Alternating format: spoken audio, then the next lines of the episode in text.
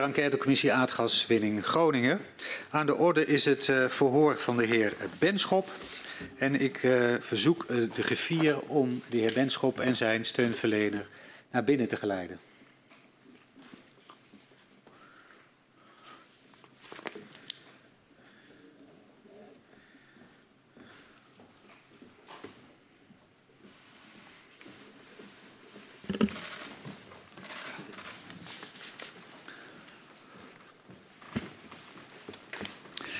Welkom, meneer Wenschop.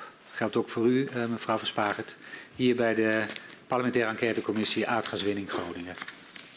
De aardgaswinning heeft Nederland veel gebracht en uh, kent zeker voor gedupeerde schaduwkanten. En de commissie onderzoekt hoe deze schaduwkanten hebben geleid tot het besluit om de aardgaswinning in Groningen te stoppen. We willen ook weten hoe de besluitvorming op cruciale momenten is verlopen. Hoe de private en publieke partijen hebben samengewerkt bij de winning.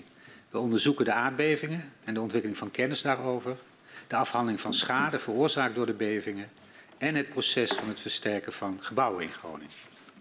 U, eh, meneer Benschop, eh, bent president-directeur van Shell Nederland geweest in de periode 2011-2015, ook de periode waarin de beving eh, in Huizingen plaatsvond.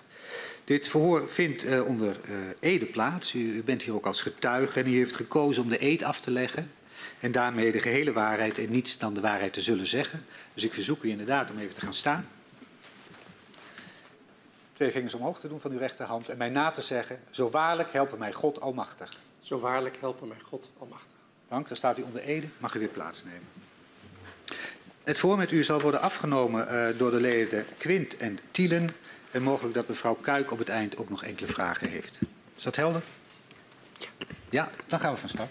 Ja, uh, de heer Van der Lee zei het al. Uh, van 2011 tot 2016 was u president-directeur van Shell Nederland. En vanuit die functie vertegenwoordigde u Shell in de diverse gremia van het gasgebouw. Het college van beheer Maatschap Groningen en het college van gedelegeerde commissarissen van Gasterra. Als lid van die uh, beide colleges, we zullen straks nog terugkomen op de personele unie, was u gedurende een periode van vijf jaar betrokken bij de besluitvorming over de gaswinning van het Groningenveld en de verkoop van het Groningse gas. En in dit verhoor willen we het met u hebben in eerste instantie over uw taken en verantwoordelijkheid als lid van deze personele unie. Uh, en daarnaast zullen we uiteraard stilstaan bij verschillende ontwikkelingen in het gasdossier die zich sinds Huizingen uh, hebben voortgedaan. Um, maar eerst even ter introductie. Welke verantwoordelijkheden heeft een president-directeur van Shell Nederland? Ja, dat is in de Shell-organisatie een, een, landenvoorzitter, uh, zoals dat heet. Uh, de Shell is eigenlijk georganiseerd langs businesslijnen. Uh, productie, uh, verkoop, maar heeft, is ook aanwezig in landen.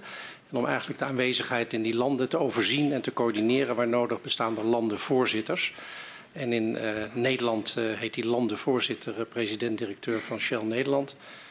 En daarmee ben je samen met de andere directeuren van de businesses uh, in Nederland, uh, de Shell Nederland uh, organisatie.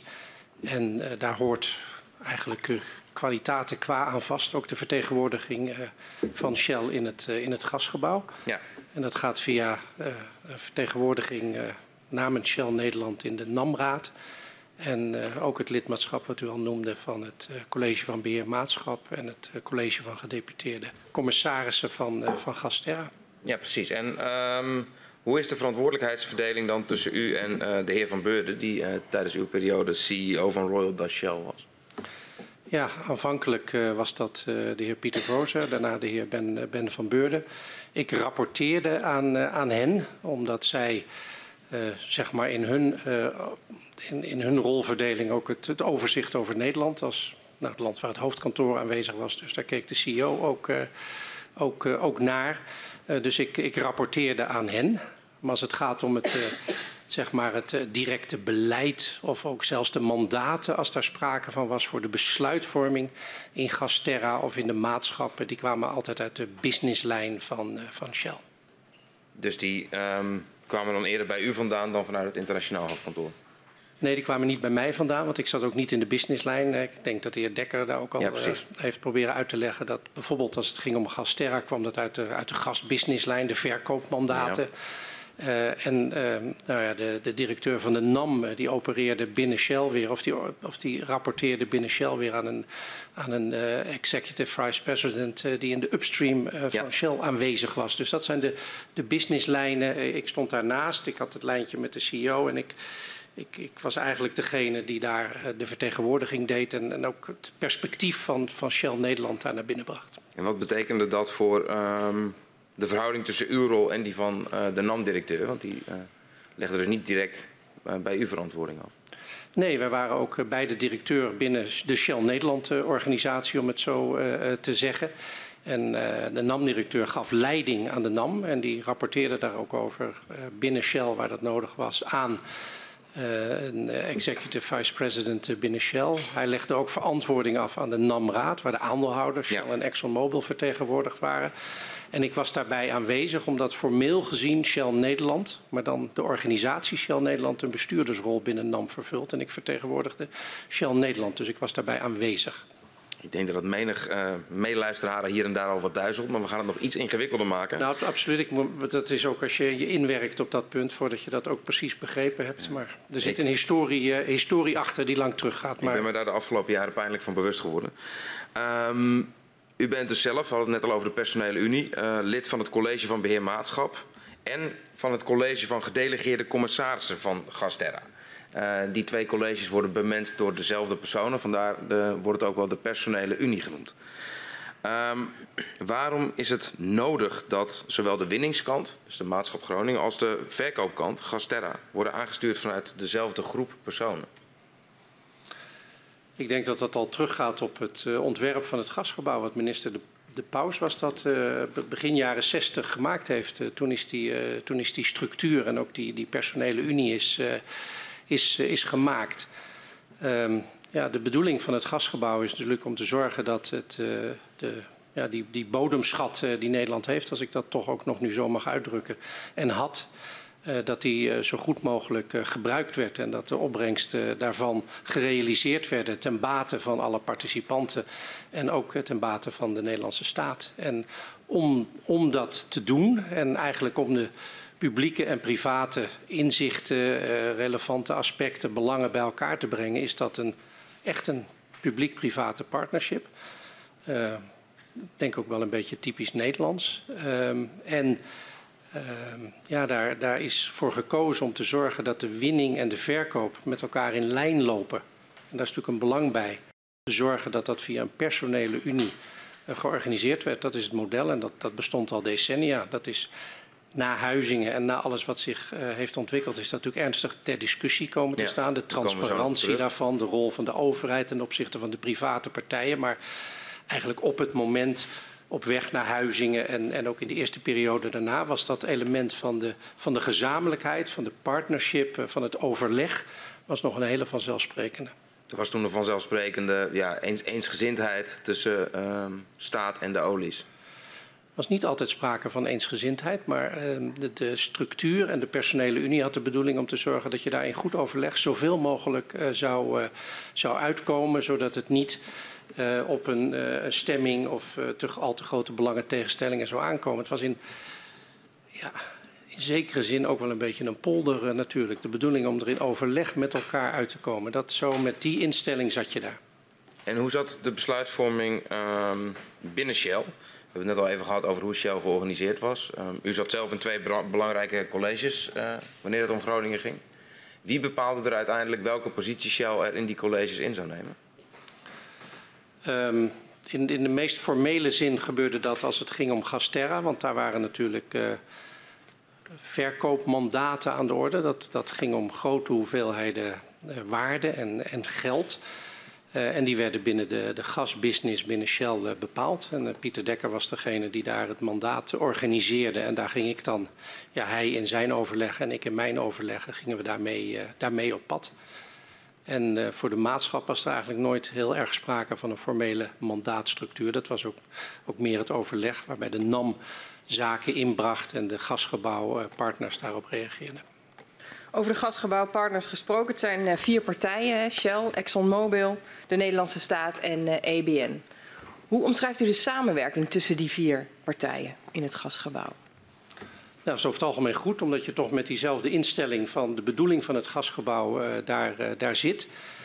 Um, maar op onderdelen zijn er natuurlijk altijd wel weer, weer tegenstellingen of, of spanningen die, die optreden. En dat hangt heel erg van het, uh, van het, van het onderwerp af. Of, uh, en, en, even los van, uh, van Groningen natuurlijk, want daar heb ik nog geen eens de grootste tegenstellingen gezien. Ook zijn er ook wel geweest. Mm -hmm. Maar ook in het commerciële beleid van Gasterra. En de gasmarkt was enorm in ontwikkeling. Hè.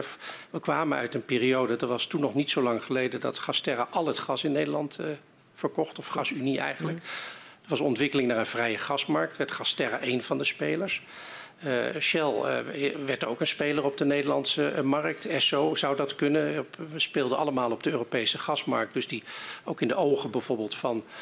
Dat heeft wel gespeeld. Ook, ook in de ogen van Shell en Esso werd, werd de vraag of nou Gasterra importcontracten moet sluiten. Moest Gasterra met Gazprom Russisch gas naar Nederland brengen? Of zouden andere partijen in de markt best zelf dat kunnen doen? Daar, daar zat wel een verschil uh, in. Ja. Bijvoorbeeld, er werd er wel gezegd, ja, Gasterra, wij kunnen dat importeren goed. En dat deden we vroeger ook, laten we dat blijven doen. Shell en Esso hadden zoiets van, dat, dat kan ook vanuit andere partijen op de Nederlandse gasmarkt die aan het liberaliseren is ja, dus... gebeuren. Dus daar waren verschillen van inzicht uh, en discussies over. En ook, ook binnen uh, binnen, binnen aardbevingen zijn er wel discussies en soms ook meningsverschillen geweest. Ja, en u zegt hè, vooral bij dat Gasterra-stuk, daar waren echt wel tegenstellingen tussen de belangen van de verschillende partners die tot uiting uit, uiting kwamen. Ja, ja, want als je, en is dat dan met name aan de ene kant Als je Nederlands... naar, naar een heel jaar en naar alle vergaderingen kijkt, dan is natuurlijk vrijwel alles is met unanimiteit. Ook ja. omdat er van tevoren veel overleg en afstemming plaatsvindt. Maar zitten er wel eens belangenverschillen in? Zitten er inzichtverschillen in? En ik heb ook wel eens een keer, en dat ging trouwens over, over aardbeving, in juni uh, 2013 een stemming uh, meegemaakt. Maar zo, zover zijn we nog niet, want ik ben nog even benieuwd naar die algemene, uh, dat algemene uh, functioneren en de algemene samenwerking binnen het gasgebouw. En u zei, het zit met name aan de kant van de Gasterra. Was het dan met name aan de ene kant de Nederlandse staat en EBN en aan de andere kant de beide oliemaatschappijen? Of waren er ook andere verschillen, bijvoorbeeld tussen de oliemaatschappijen? Ja, wat ik net noemde was een verschil tussen Shell en Esso. Mm -hmm. Waarbij Esso overstemd werd in uh, juni 2013 over de verkopen later. Maar daar, daar komen we waarschijnlijk nog, uh, nog, uh, nog op. Nog te spreken. Um, ja, en kijk, het Gasterra Management heeft natuurlijk ook... De, die kijkt ook naar het bedrijf en hoe ontwikkelt het bedrijf zich. En dan, als, als er een punt was waar Shell of Esso het niet mee eens waren... gebeurt het vaker wel dat EBN of de staat toch toch ook de neiging hadden om de lijn van het Gasterra Management te steunen. Maar ja. het zijn allemaal geen essentiële uh, kwesties uh, dat het vertrouwen of, of de, de partnership op de tocht staat. Maar het is best zo dat daarbinnen natuurlijk toch ruimte is voor verschillen van belangen en verschillen van inzichten. En de andere kant van het gasgebouw, want u, he, u begon eigenlijk direct over de kant van Gasterra en de kant van de maatschap. Hoe zat het daar in de samenwerking? Ja, die maatschap was tot Huizingen niet spectaculair. Uh, daar, daar, daar, dat was een soort. Ja, dat was een, een update meeting uh, waar NAM uh, verslag deed van wat er speelde. Het ging met name in mijn tijd, ik heb natuurlijk één jaar een mm -hmm. maatschap voor Huizingen meegemaakt. Ging het vooral over Norg en de investering in de, in de gasopslag in Norg. En um, hoe snel ging dat en de, en, en de gesprekken daarover. Dat, dat was geen hele spectaculaire meeting. Nee. Dat is met Huizingen is zowel de, de, de, de, de de, de, frequentie als de omvang en de, en de intensiteit van die bijeenkomst is enorm Daar komen we nog wel over te spreken. In een van de verhoren noemde iemand het gasgebouw een gedwongen huwelijk. Wat zou uw term zijn voor het uh, gasgebouw? Ja, dat, nou, dat hangt er misschien vanaf op welke, op, over welke tijd, welk, welk, welk, welk jaar van de relatie het je dan hebt. Ik heb, toen ik begon, vond ik het op dat moment uh, nog steeds echt een, een, een voorbeeld van... Uh, van hoe in Nederland publieke en private partijen enorme welvaart uh, wisten te creëren in, in, goede, in goede afstemming. Want, Toen u begon? Ja, er is natuurlijk, het is natuurlijk hartstikke misgegaan. En uh, we zitten nu op een heel andere plek. Maar natuurlijk jarenlang heb je dat gasgebouw kunnen associëren met de welvaart, de verzorgingsstaat in Nederland. En hoe noemde u het toen u uh, uw functie verliet, zeg maar? Nou, het, toen... Het gasgebouw? Een... Um, een ondoorzichtige constructie die op dat moment al niet meer paste, eind 2015, bij de problemen die we hadden en die er waren. Ja, en daar, nou, daar is natuurlijk ook wel, we gaan, ook wel onderzoek gaan... naar gedaan en rapporten over geschreven, maar ik heb zelf ook. In eind 2015 gezegd dat de samenstelling zou moeten veranderen, omdat die niet meer klopte bij wat Maar daar komen we allemaal aan. Ik Ja. wilde nu even het verschil van begin en eh, einde. In hoeverre bereiden nou de beide oliemaatschappijen de vergaderingen eh, voor en de besluiten die in de eh, gasgebouwvergaderingen aan de orde kwamen? Ja, daar, daar hadden we een, ja, een voorbereidend overleg en ook weer een overleg waar ik en dan mijn collega Joost van Roosten bij aanwezig waren. Op, op, soms feitelijk op weg naar de vergadering. En dan kwamen zij vanuit Breda, waar het kantoor van Exxon was, in Den Haag langs. En dan eh, werd er de laatste, laatste afstemming eh, gedaan. Dat was ook zo'n eigenlijk ook zo'n zo'n traditiepunt dat gebeurde. Ja, en dan deed u gewoon met Shell en Esso samen. Ja. ja. En hoe, in hoeverre had u ook contact met de overheidspartners tussen de vergaderingen door? Ehm, ja, heel veel tijdens eh, de vergadering. En dat zijn er best wel veel natuurlijk. Mhm. Dus in die zin zie je elkaar eh, heel veel. Ehm, ik denk met, eh, met, met EBN niet zo heel veel. Ik zelf tussen de vergaderingen Ja. door. Op werkniveau natuurlijk ook wel. Want er waren altijd werkgroepen. En dan nou, er waren zo, zo zeg maar drie lagen in. En ik zat dan in de derde laag. Ehm, en het ministerie, ehm, eh, dat, dat, dat verschilde heel erg, ook afhankelijk van wat er speelde, de intensiteit van, eh, van overleg. Maar daar, daar waren natuurlijk wel contacten, ook buiten de normale Maar grosso modo was dat ook, eh, voor elke vergadering? Of? Nee hoor, ik had niet, dat, dat, dat niet. Dat, Nee. dat was meer als er behoefte was om, om tussen vergaderingen door nog contact met elkaar hebben of als er iets, iets speelde. Kunt u een voorbeeld geven van iets waarvan u dacht, nou daar moet ik even tussendoor eens over contact opnemen? Nou, er speelde natuurlijk heel veel vanaf, eh, vanaf Huizingen en in de besluitvorming Ja. eh, die, eh, die het Wat ministerie ging, ging doen.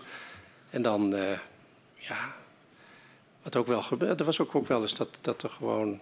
Ja, er werd ook met het ministerie ook over bredere onderwerpen gesproken. ehm, over, energie, het, over energietransitie, over energieakkoord. Ja, Ik heb ook wel eens met de secretaris-generaal, de heer Kamps, eh, bij, bijgesproken Mhm. over hoe het met de aardbevingen en Groningen ging. Dus dat soort, eh, dat soort en contacten. sprak u ook wel eens direct met de minister? Ja. Minister-president? Ook wel eens, maar dat was eigenlijk altijd eh, begeleiding dan van het gesprek van de Shell-CEO eh, met de minister-president. Minister van Financiën? Volgens mij heb ik, ik heb de minister van Financiën een keer gesproken, ehm, maar dat ging toen over, ehm, over de, de zaak die speelde eh, rond eh, de, de verkoop van eh, BEB in, in Duitsland. Daar heb ik de minister van Financiën een keer over gesproken. Verder, ik denk niet dat ik hem ooit over Groningen gesproken Nee. heb. En ik vroeg al van, hè, kunt u een voorbeeld noemen van een moment waarop u dacht, ja, nu moet ik toch wel eventjes met het ministerie contact hebben? Voordat we een vergadering ingaan. Nee, eigenlijk niet zo voorafgaand aan vergaderingen. Nee, het was Nee? meer als er, een, als er een tijd tussen zat. Ja, gewoon als er iets speelde of als je, eh, wat ik zei, ook op, op contact over verschillende onderwerpen, verschillende niveaus. U kan geen concrete voorbeeld eh, met ons delen. Nou, het, het op, kijk, het, het- in die periode van Huizingen werd natuurlijk, na Huizingen, wat ik al zei, de maatschap kwam zo vaak bij elkaar dat je in ieder geval, als het gaat bijvoorbeeld om het contact met Mark Dieriks, die zag ik heel vaak Mhm. eh, op die vergaderingen. Nou, we ko- we komen wellicht nog op momenten dat u denkt, oh ja, dat was, eh, dat was er eentje. Ehm, u, noemde net al hoe u aan het begin, eh, toen u begon, het gasgebouw typeerde en aan het eh, einde. Wat waren nou de belangrijkste veranderingen die u heeft waargenomen in de periode dat u president-directeur was als het gaat om het gasgebouw?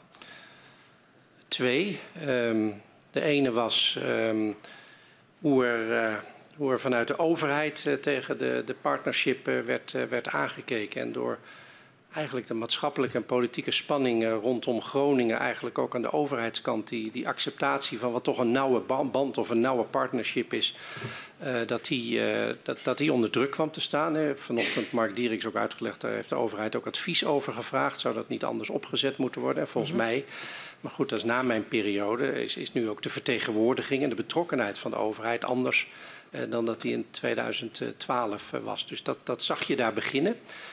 En de tweede was ehm, dat, natuurlijk, dat natuurlijk door Groningen en de aardbevingen en, en alles wat er volgde, dat natuurlijk de hele vraag van ja, hoe wordt dit eigenlijk aangestuurd? Wie zit er daar nou? Hoe zit dat nou in elkaar? Dat kwam natuurlijk enorm op tafel eh, te liggen. En, en een van mijn, mijn perspectieven, eh, dat is niet alleen terugblikkend, sommige perspectieven heb ik terugblikkend, maar die had ik toen ook al.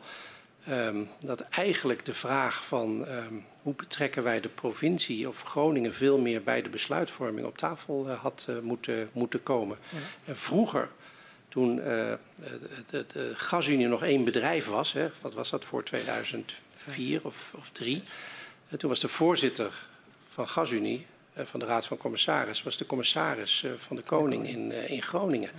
Dus dat gaf een, een soort natuurlijke plek ook van de provincie aan tafel. Uh, na de splitsing en in die beide colleges daarna is dat, is dat niet het geval geweest. En ik, ik heb zelf begin 2015, omdat je natuurlijk het probleem zag verergeren en, en, en heb ik ook voorgesteld uh, dat we naar die structuur moesten kijken en ernstig zouden moeten overwegen. En daar ben ik ook gesprekken in Den Haag over gaan voeren om de provincie Groningen lid te maken van de maatschap. En dus de, de, de zeggenschap in die zin praat je niet per se over aandelen, zover was ik helemaal niet, maar aan tafel te halen. Want we zitten dit wel voor, maar vooral ook over Groningen op te lossen. Maar dat de oplossing, ja. en de oplossing die kwam niet ver. Dus dat, dat is een idee, dat, zeg maar, was nog niet een verandering, maar die komt voort uit wat u net als de tweede verandering uh, noemde. Uh, ik vroeg me af of u de samenwerking binnen het gasgebouw een succes zou noemen. Nou, tot, tot 2012 zou ik het een succes willen noemen, absoluut. Okay. Ik vind daarna ook zijn natuurlijk heel veel dingen fout gegaan. Er zijn ook dingen geprobeerd, er zijn ook sommige dingen goed gegaan. Maar om daar, gegeven het probleem waar we nu en Groningen nu nog mee zit, zou ik het woord succes niet in de mond willen nemen. U uh, verwijst al een aantal keer vooruit naar uh, Huizingen. Daar komen we uiteraard uh, op terug. Maar ik wil nog even met u stilstaan in de periode daaraan voorafgaand. De periode voorafgaand aan die zware beving. Um, ik ben benieuwd naar de aandacht die er toen was voor de eventuele veiligheidsrisico's van gaswinning. Want op basis van de mijnbouwwet heeft een mijnbouwonderneming, nou, dat is in dit geval NAM, de wettelijke plicht om maatregelen te nemen om te voorkomen dat de veiligheid wordt geschaad of dat er schade ontstaat door bodembeweging. Wat betekende deze zorgplicht volgens u in de praktijk? Ik heb uh, natuurlijk één jaar voor Huizingen meegemaakt. Uh, is er eigenlijk nooit een aanleiding geweest om, om daar op een kritische manier naar te kijken of te denken dat daar geen invulling aan gegeven zou, uh, zou worden. Dus voor mij kwam met Huizingen uh, die zorgplicht. Uh, wat moeten we doen? Uh, wat is de verantwoordelijkheid? Hoe gaan we dit aanpakken? Wat moet er gebeuren? Hoe gaan we dit verbeteren?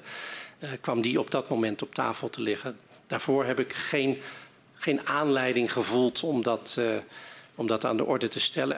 Als ik erop terugkijk, denk ik dat ik in dat eerste jaar van voorjaar 2011 tot augustus 2012 ik weet niet of ik het woord aardbeving, denk niet dat ik het woord aardbeving heel erg ben tegengekomen. Dus er was ook geen gesprek over de mate van schade die eventueel acceptabel of niet meer acceptabel zou zijn rondom de gaswinning? Nee, dat gesprek is eh, in die periode niet gevoerd. Nee. Um, wie is er primair verantwoordelijk voor het doen van onderzoek naar de eventuele risico's van gaswinning? Nou, ik denk dat meerdere partijen zich daar verantwoordelijk voor voelen. Dat is dus de NAM zelf, als de operator van het veld met zijn verantwoordelijkheid. Uh, maar dat is ook de toezichthouder, SODM, en die heeft ook onderzoek gedaan. En uh, ik denk ook eh, KNMI als de seismische autoriteit in Nederland, want die deed ook, ook onderzoek. Het TNO was daar weer bij betrokken.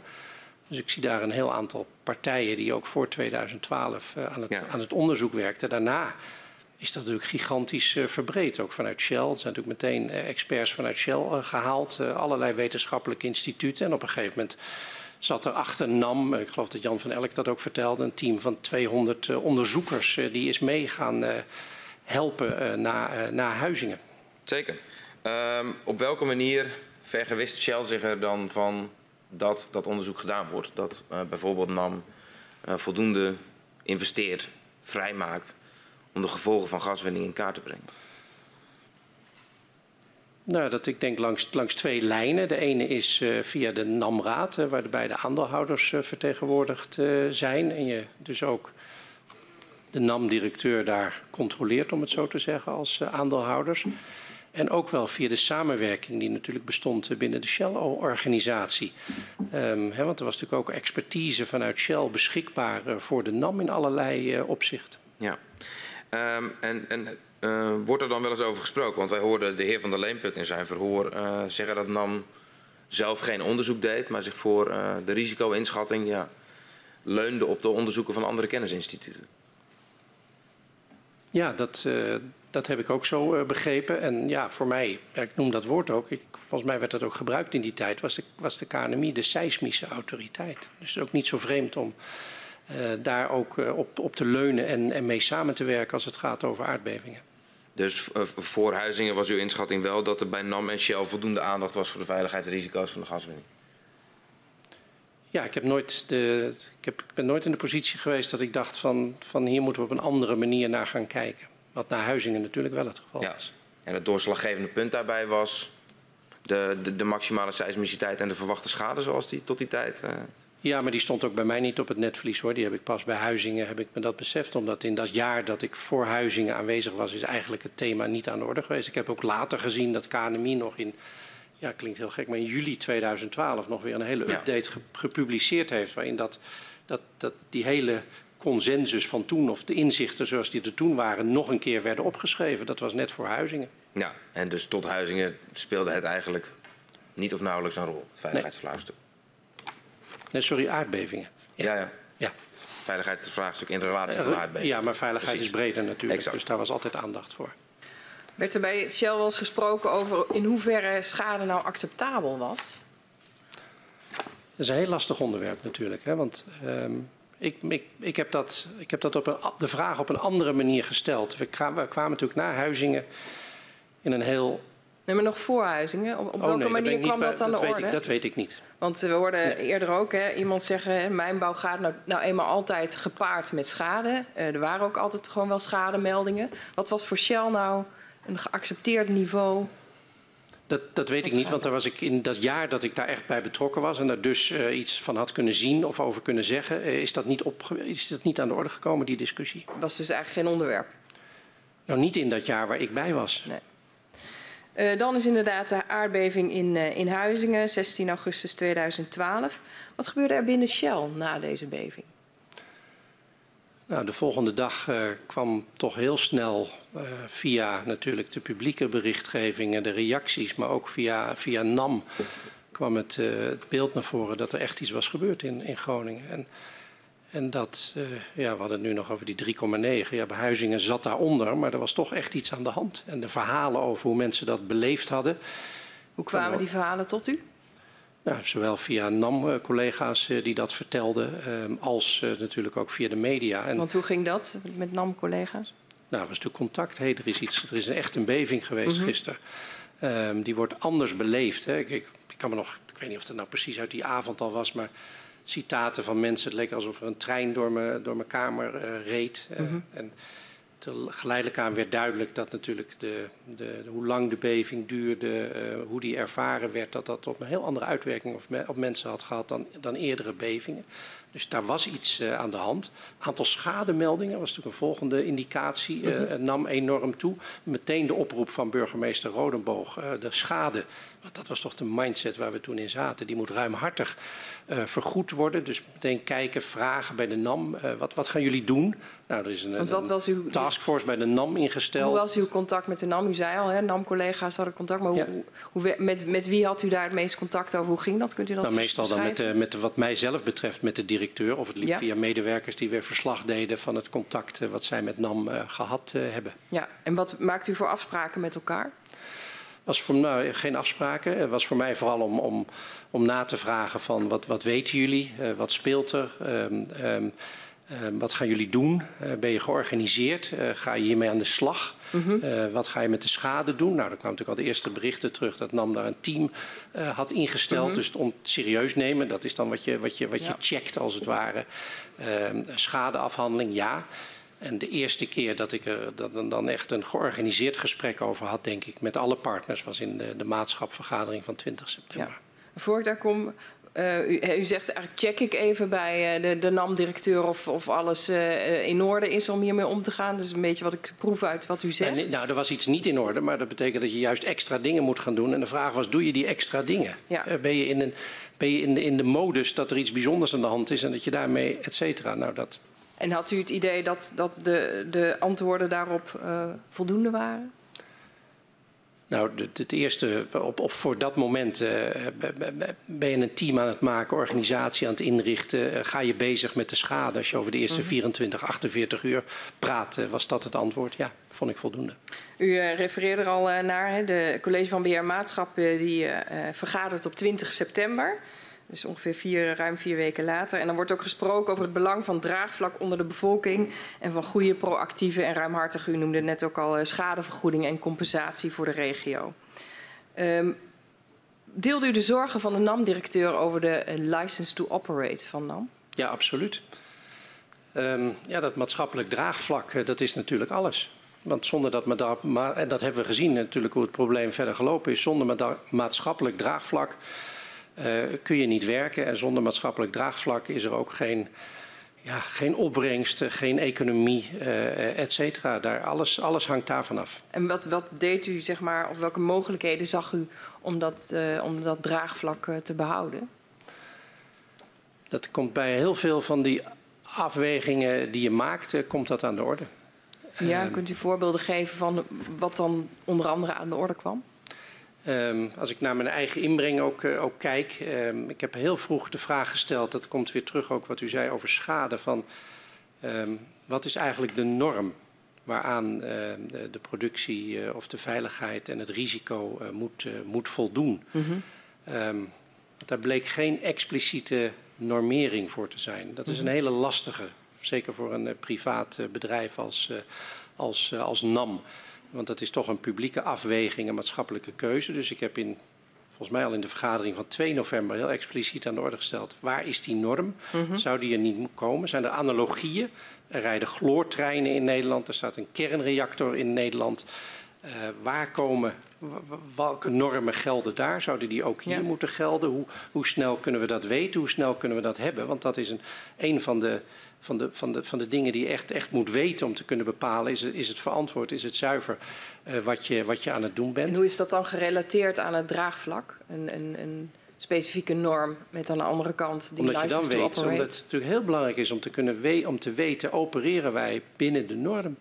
En waar we buiten de norm zitten, hoe snel zijn we daar binnen? Als je natuurlijk praat over onzekerheid. En er was in alle opzichten onzekerheid. Uh, natuurlijk heel erg bij de Groningers, maar ook bij ons in het, in het gasgebouw van waar, waar we nu mee te maken hebben. En uh, de onzekerheid die, die, die liep op. Uh, dus die vraag bijvoorbeeld van normering heeft in mijn ogen heel erg met draagvlak te maken. Want dan is het dus niet bepaald NAM wat veilig is. Nee, de Nederlandse overheid bepaalt welke risico's wel of niet aanvaardbaar zijn, zoals met alle maatschappelijke processen in Nederland.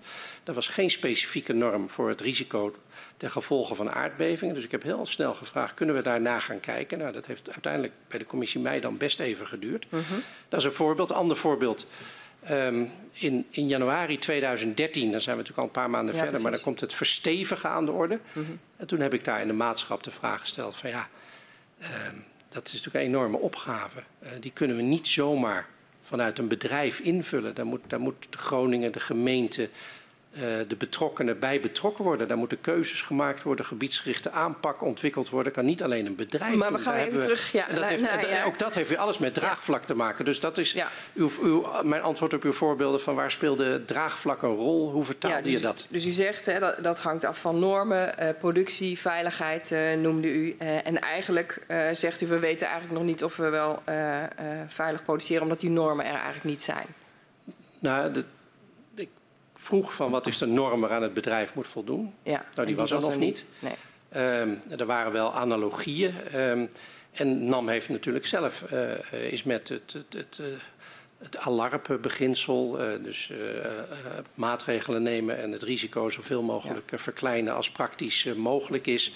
Die is ook uitgegaan zelf totdat die wettelijke norm er was van een, van een 1 tot een min 10 vijfde eh, norm als ja, het ging om, uh, om risico. Dus de, de, het is niet zo dat je dan zegt, oh geen norm, we doen maar. Nee, NAM heeft daar zelf invulling aan gegeven binnen die verantwoordelijkheid. Maar je wilt natuurlijk ook voor het draagvlak, voor het vertrouwen, dat dat gewoon een door de overheid vastgestelde norm is. Ja, en u zei al, hè, voor chemische treinen zijn die er ook. Dus er zijn natuurlijk allerlei onveilige situaties in Nederland waar normen voor gelden. Precies. Hoe snel konden we die ja. naar Groningen vertaald krijgen? Ja.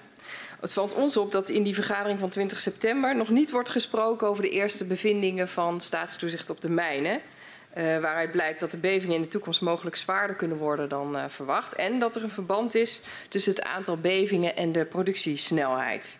Een week eerder had uh, de inspecteur-generaal der Mijnen daar de NAM-directeur al over geïnformeerd. Wanneer hoorde u voor het eerst over die bevindingen van staatstoezicht? Um, ik denk dat dat bij de volgende vergadering op 17 oktober, oktober was. We hebben toen in 20 september wel gesproken naast schadeafhandeling. Mm -hmm. Uh, over het belang van onderzoek. Dus dat thema kwam al heel snel naar voren. We moeten meer weten, want dit is anders. Uh, dus dat thema van onderzoek gaan doen, dat kwam toen al aan de orde. Ehm, ik denk dat het, de eerste bevindingen van de SODM, hè, dat, dat, dat we niet meer zeker zijn dat 3,9 het maximum is. En dat er een relatie is tussen, tussen, tussen bevingen en productiesnelheid. Dat, we, dat waren de punten waar de, waar de SODM natuurlijk ja terecht uh, mee, uh, mee kwam. Uh, ik denk dat ik ze in oktober heb ervaren. Ja, dus op 20 september, waar het wel over, over zaken gaan die naar aanleiding van de beving in Huizingen aan de orde komen in de vergadering van het college van beheer maatschap. er zit meneer Van der Leemput ook aan tafel, maar er wordt niet gesproken over de bevindingen van staatstoezicht. Ja, ik weet, heeft u dat ook aan. Ja, dat zouden we nog aan de heer Van der Leemput moeten vragen wat hij op dat moment. Ja, maar ik vraag het vooral aan u. Ja, ik, heb vroeg het, u wanneer ik, heb, u ik wist het, tenminste, ik heb het niet, uh, niet meegekregen. Dus u zegt pas in oktober kreeg ik daar. Uh, ja, via de NAM uh, natuurlijk kwam dat bericht binnen. Ik heb zelf niet met de SODM gesproken, ja. maar de NAM kwam natuurlijk verslag doen en dat kwam in oktober al heel duidelijk op tafel dat de SODM nieuwe inzichten had. Ja, en ik vroeg u net ook hè, welke mogelijkheden zag u om, om dat draagvlak uh, te behouden. Toen noemde u ook uh, productie. Heeft u zelf uh, productie en de, en de omvang ervan of de snelheid ervan nog in die eerste periode ter tafel gelegd? Nou, daar is op een gegeven moment ook aan de hand van natuurlijk wat de SODM meedeelde, is daarover gesproken. En, en ook na... intensief over gesproken. En ehm, nou ja, als je praat over wat, wat heb je gemist? Uh, ook in termen van, uh, van draagvlak. Ik denk niet dat ik uh, voorzien had op dat moment hoe de besluiten die wij, of de niet-besluiten die wij over productie en productievermindering hebben genomen, welke uitwerking die uiteindelijk gehad hebben. Mm -hmm. En dat heeft te maken met dat we natuurlijk in december naar productie hebben gekeken met een, lag een plan op tafel, de 48,9 BCM. Uiteindelijk alhoewel je daar nooit zo toe besloten hebt, is er natuurlijk een veel hogere productie op uh, ontstaan in 2013. Daar, daar en, zijn we nog en niet, die uh, heeft natuurlijk een enorme, over dat draagvlak gesproken, ja, dat heeft een enorme, ja. enorme knauw gegeven. Ja. De, de, vraag hoe de, is voor Groningen een, een, een, vraagpunt geworden, hoe wordt er met onze belangen om, om, omgesprongen? En daar heb ik er zelf, en daar hebben heel veel partijen er echt één gemist. Daar is een fout gemaakt. We gaan, we gaan echt stap voor stap en we zitten nog eind 2012. Maar we komen er zeker op terug.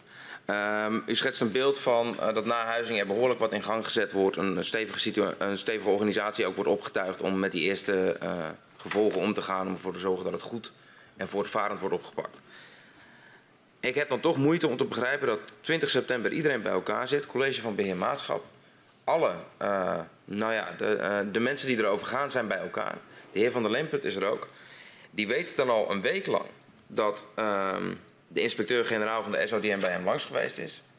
Uh, die komt met een hele zorgwekkende conclusie. Namelijk het hele paradigma waarin wij tot nu toe leefden, zou zomaar eens op de helling kunnen gaan.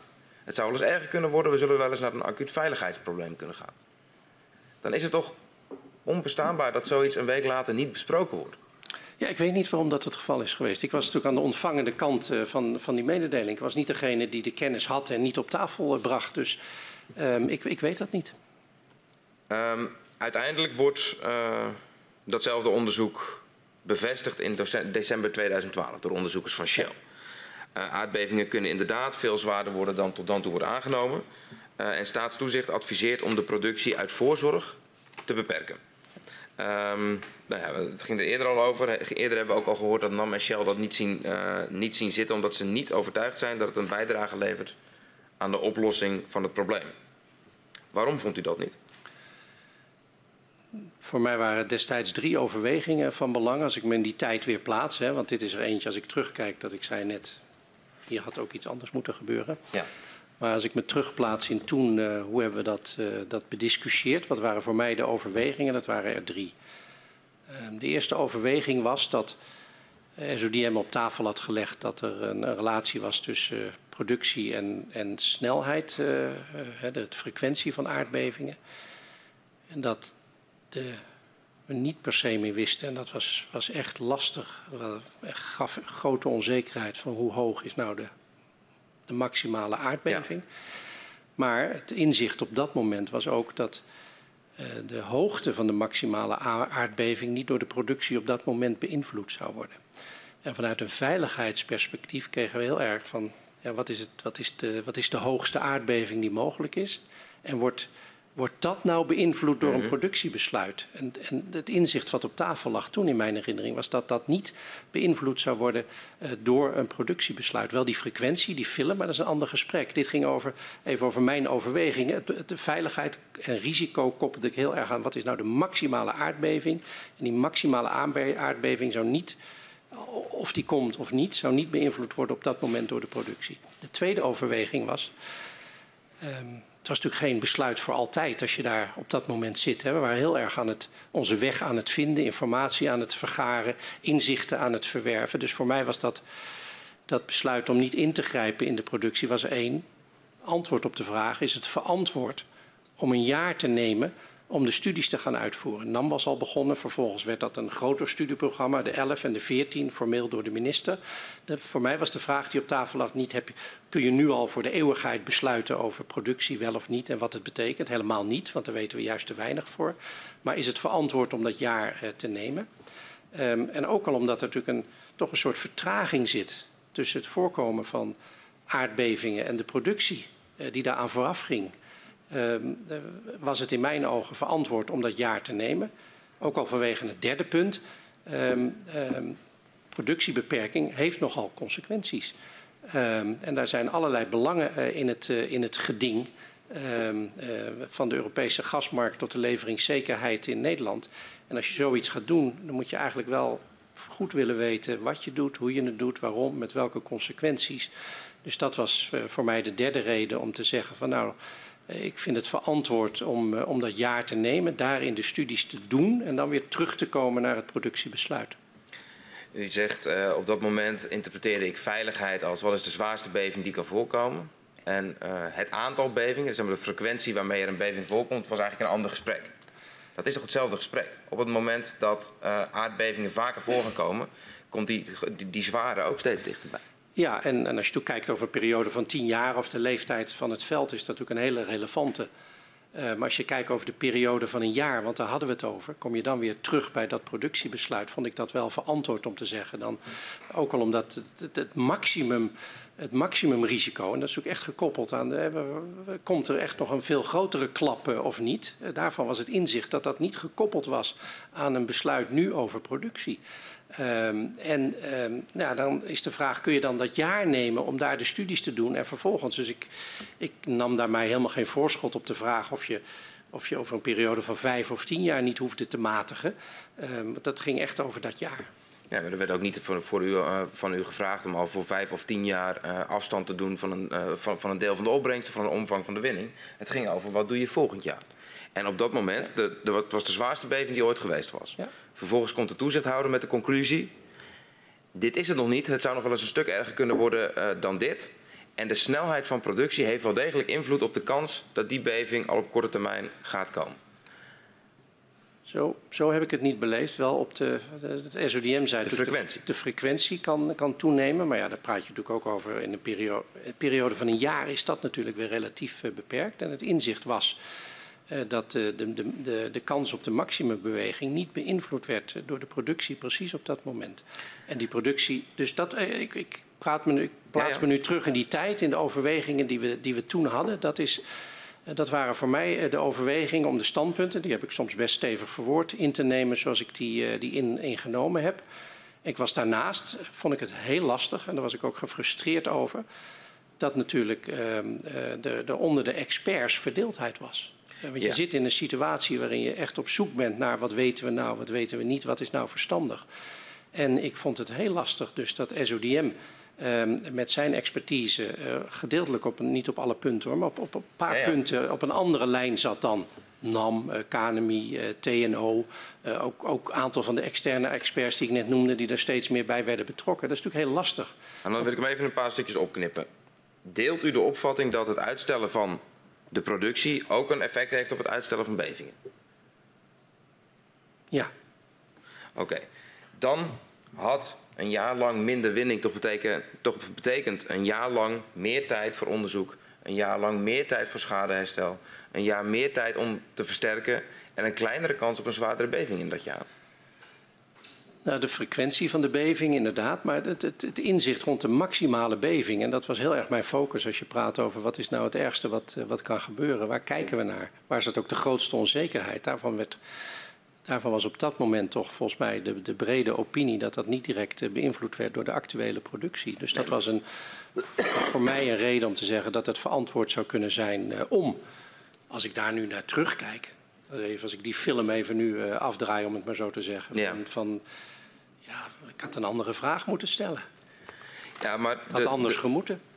Ja, want op dat moment ehm, is wel. bedoel, e- even terug naar die tijd, ook ehm, eh, kort naar Huizingen.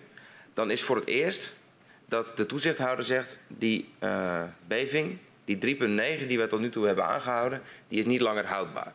Eh, we kunnen bevingen eh, verwachten die fors hoger zijn. En nou ja, we weten ook wat de consequenties daarvan zijn. Daarmee ga je van, eh, van overlast, van schade, ook echt naar eh, risico, naar gevaar van eh, gevolgen van bevingen. Dan snap ik niet hoe dan het besluit genomen kan worden. We hebben wel een jaar om extra onderzoek te doen. Ik, ik, ik probeer dat te begrijpen, maar ik, ik, Ja. zie dat ook niet met de kennis die toen op tafel lag. Omdat het tussen haakjes maar een jaar was.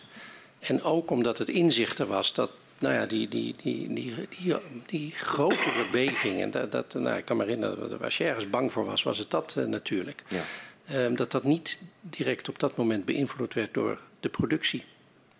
Ehm, nou, uiteraard komt in die tijd het college beheer maatschap, u zei het net zelf al vaak, eh, bij elkaar.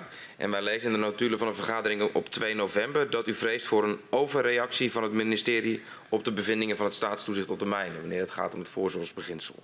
Op korte termijn zou het goed ogen, maar voor de lange termijn zou het vooral vragen oproepen. Ehm, het riep bij ons de vraag op, wat bedoelde u daarmee? Nou, dat derde punt wat ik net noemde, de derde reden, dat als je tot productieverlaging gaat besluiten, dat je eigenlijk heel goed moet weten ehm, eh, wa- wa- wa- waarom, op grond van welke onderbouwing, eh, met welke effecten, ehm, eh, welke risico's roept dat eventueel weer op, hoe ga je daarmee om? Dus dat, dat was eigenlijk de inleiding tot, die, tot dat punt. we moeten daar, moeten daar meer over weten. Hoe bracht u dat eh, standpunt over richting het ministerie? U had daar zorgen over? Ja, in, alleen in die vergadering. Ehm, want uiteindelijk in december gaat u samen met eh, Pieter Vozer, eh, u noemde hem al, de CEO van Shell, op bezoek bij minister Kamp, die dan net een maand in, Ja. in functie is. Ehm, wat gaf u hem mee in dat gesprek? Nou ja, om hem aan te geven van, van nou ja, hoe iedereen bezig was. Ehm, hij, ik denk dat hij oorspronkelijk van plan was geweest om voor de kerst een besluit eh, te nemen. En een van de vragen die hij stelde, ik had het net over een jaar, maar hij vroeg toen: eh, zou het verantwoord zijn als ik in januari een besluit neem? Hebben we die tijd? Ehm, dat, dat was bijvoorbeeld een onderwerp eh, waar we het, waar we het met, hem, met, hem, met hem over hadden, waar hij ook een vraag, een vraag over stelde. Ehm, in die hele periode van november tot, tot eind 2012. Ik had het net al even over de bijeenkomst van het college van beheer maatschap. U zegt op 2 november dat u het gevoel hebt dat eh, staatstoezicht te snel, te vergaande conclusies eh, trekt. U vindt de huidige snelheid van de ontwikkelingen eh, te hoog. Op 5 november zegt u, wat is er nou de zin van om per se in november 2012 al een besluit te nemen over een productieniveau voor het jaar daarna? U zegt er moet niet te veel op zaken vooruit worden gelopen. Wij hoeven geen schriftelijk advies uit te brengen als SODM dat ook niet doet. Um, als er al sprake is van een verhoogd risico, is het in eerste, in eerste instantie de vraag of de daaraan gekoppelde consequenties al dan niet aanvaardbaar zijn. Uh, bij elke maatregel moet de primaire bewijslast worden geleverd door degene die het voorstelt over hoe die maatregel het risico reduceert. U waarschuwt voor ongewenste ontwikkelingen bij minder productieniveau en zegt uiteindelijk dat u geen bewijs ziet voor een uh, productiemaatregel. Over die hele maanden uh, bij elkaar. Vindt u nou achteraf dat u die risico's toen goed hebt ingeschat?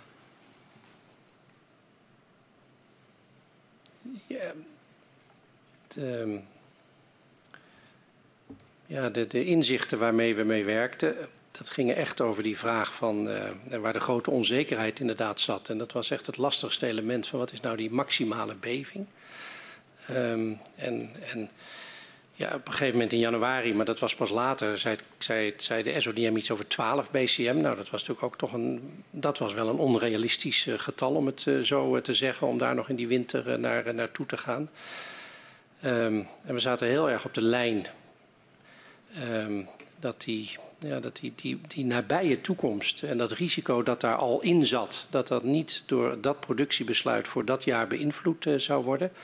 En vandaar dan de behoefte om te zeggen uh, dat dat heel goed onderzocht moest worden. Want, het, want we moesten echt meer weten over het veld zelf, over de grondversnelling, over de impact op de huizen. En dan kom je bij het risico en bij de mensen uit. En hoe dat vervolgens uh, door productie en uh, maten en wijze van productie beïnvloed zou worden. Het is ook wel gebleken dat daar natuurlijk best ingewikkelde vraagstukken waren. Waar ik naar terugkijk is, ik had een andere vraag moeten stellen op dat moment. Van, uh, dat wat ik zelf zei allemaal best waar kon zijn, maar zou het niet verstandig zijn om, waar we nog ruimte hebben, om daar iets omlaag te gaan? en het is een soort zwart-wit geweest. Wel of niet productie uh, verlagen.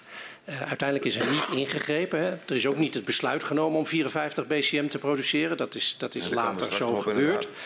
Um, er is niet ingegrepen. Dat is het punt wat, wat gebeurd is. En als ik één ding nou, dat is het belangrijkste ding als ik terugkijkend wat ik zou willen veranderen. Als ik ook vanuit nou ja, hoe dat, hoe, welke rol dat is gaan spelen. Um, als ik dat besef had gehad, dan hadden we de, de vraag op tafel moeten leggen van nou, alle, alles goed en wel, maar uh, er zitten natuurlijk marges, er zijn dingen mogelijk, uh, niet alles zal meteen verkocht zijn. Uh, welke ruimte hebben we nog? Want we begonnen al op een relatief hoog niveau hè, van 48,9 BCM. Ja. Ja, en dan zal het je net gebeuren dat in dat jaar het daar vervolgens mede door het weer bovenuit gaat. Hadden we op een lager niveau kunnen beginnen, et cetera. En ik zou willen dat ik op dat moment uh, die vraag gesteld had. Want dit, dit feit uh, is natuurlijk, heeft natuurlijk een verwoestende, verwoestende uitwerking uh, gehad ja, winning, op de discussie over Groningen. Die winning komen we zo nog, zo nog op terug. En de mate waarin het je gebeurt. Ik had nog één vraag. U zegt over het, het, over het staatstoezicht op de mijnen. Over de toezichthouder die uiteindelijk in de gaten houdt of winning veilig is. Pas na validatie van hun analyses zouden zij informatie naar het ministerie toe moeten sturen. Dat ja, is mijn, niet hoe een toezichthouder te werk hoort te gaan. Nou, maar de vraag is natuurlijk door alle partijen eigenlijk steeds gesteld. Op het moment dat er dus tussen uh, SODM aan de ene kant, uh, NAM, KNMI, uh, TNO, andere instituten aan de andere kant verschillen van inzicht zijn, is het toch vind ik een hele redelijke vraag. En volgens mij hebben we hoofdelijk het ministerie die gesteld, en die heb ik in de overleggen waar ik bij zat gesteld. Kunnen, kunnen jullie niet kijken of je niet dichter bij elkaar kunt komen? We hebben natuurlijk bestuurlijk en maatschappelijk toch heel veel belang bij een, een gedeeld technisch inzicht. En dat de minister dan ook op grond van een, een gedeeld advies kan besluiten. Want ook weer over draagvlak natuurlijk. Van je, je voelt wel aan dat als de experts al uit elkaar liggen, dat dat leidt uiteindelijk alleen maar tot problemen rond wantrouwen. En waarom doe je dan dit en waarom doe je dat? Dat is natuurlijk een hele dat, vervelende dat situatie. Maar dat, maar dat is niet datgene waar ik u op bevraag. U zegt van ja, eigenlijk pas nadat staatstoezicht de eigen onderzoeksresultaten zou hebben gevalideerd. En pas wanneer iedereen het eens is, zou informatie naar economische zaken toe moeten. Terwijl staatstoezicht een eigenstandige taak heeft. Namelijk om toezicht te houden op de veiligheid van mijnbouwwinning. Nou, misschien had dat te maken met het feit dat de SODM natuurlijk zelf gezegd had... dit zijn voorlopige bevindingen. Uh, en ze in januari met hun definitieve bevindingen zijn gekomen. We proberen een uh, nauwkeurige tijdslijn uh, te vullen. En dan kom ik toch nog even terug op een vraag die ik net stelde en waar u antwoord op gaf. Want ik vroeg u, wanneer hoorde u nou voor het eerst over de bevindingen, de eerste bevindingen van staatstoezicht? En toen zei u 17 oktober, vernam ik dat van de NAM-directeur. Uh, en we hadden het daarvoor over 20 september, dan is het de 499 vergadering van de College van Beheer Maatschap. En de 500ste vergadering is op 2 november. Dus dat betekent dat 17 oktober niet een officiële vergadering was. Dus ik ben nog even benieuwd wat voor overleg u dan had met de NAM-directeur op 17 oktober.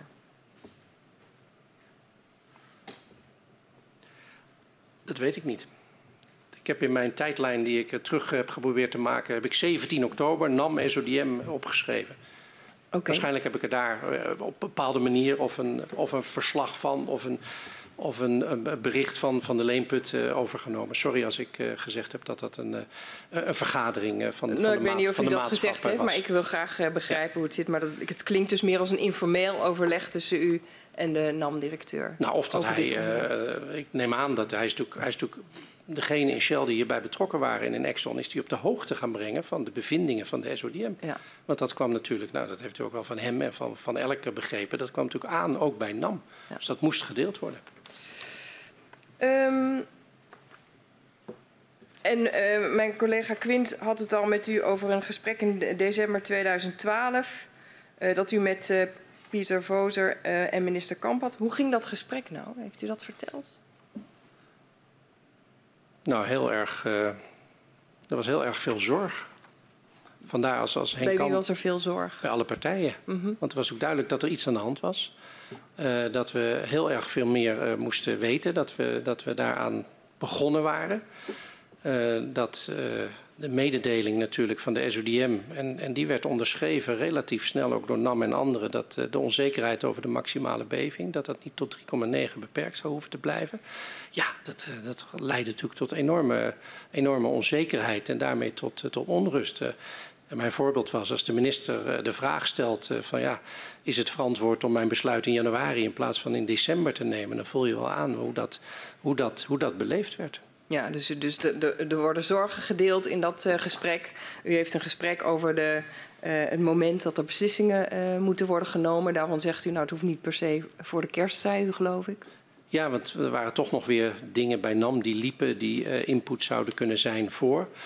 Uh, ik denk heel wat, wat Pieter Vozer ook heel erg aan Henk Kamp heeft proberen uit te leggen, was natuurlijk alle steun die Shell zou geven mm -hmm. uh, aan de NAM om, om dit probleem uh, de baas te worden. alle ondersteuning technische experts anderszins die Shell zou gaan brengen. Dat is natuurlijk ook een signaal van vertrouwen aan de minister. Wij gaan onze rol spelen, ook als aandeelhouder van NAM, die wij kunnen spelen.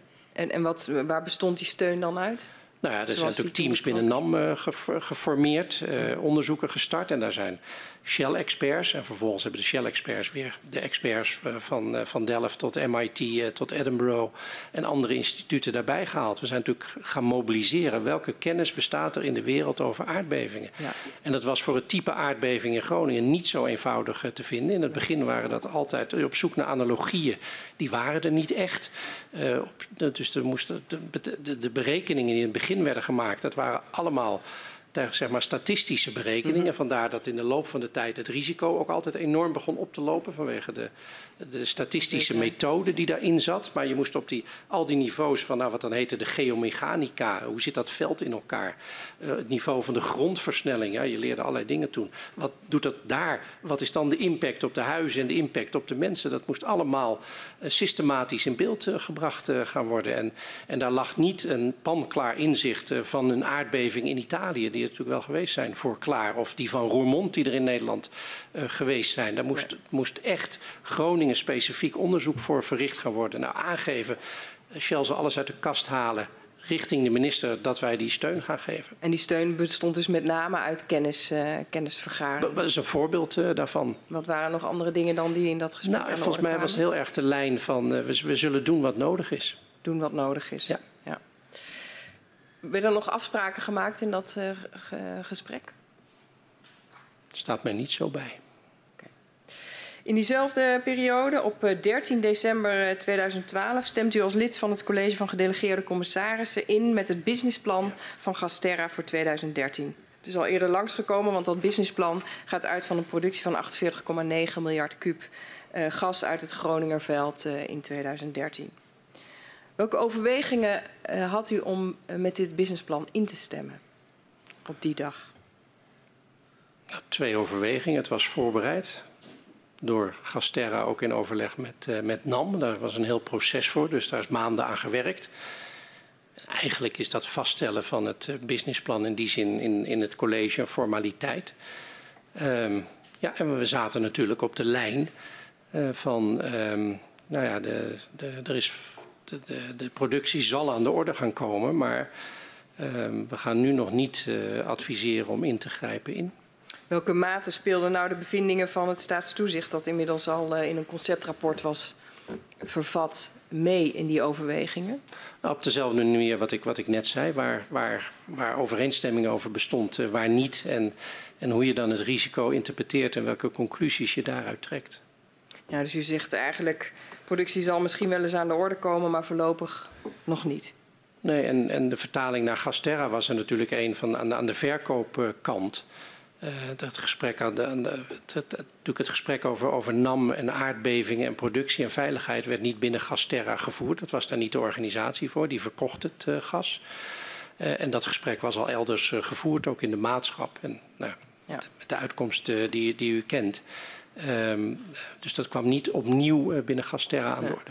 En is wel meegewogen dat ook eventueel het uitstellen van dat besluit nog een mogelijkheid was? Kan ik me niet herinneren dat dat, uh, dat, dat aan de orde is, uh, is geweest. Nee, dus met meneer Kamp was het wel zeg maar, aan de orde om eventueel een besluit later te nemen, maar in de gasterra-vergadering is dat niet aan de orde geweest. Ja, omdat zeg maar, de input voor de minister nog niet helemaal klaar was. En hij vroeg van, hij, hij kreeg te horen, hij krijgt nog bepaalde dingen in januari, onder andere definitieve SODM-advies. Um, ja, dat was het toen ook nog niet uh, voor de kerst.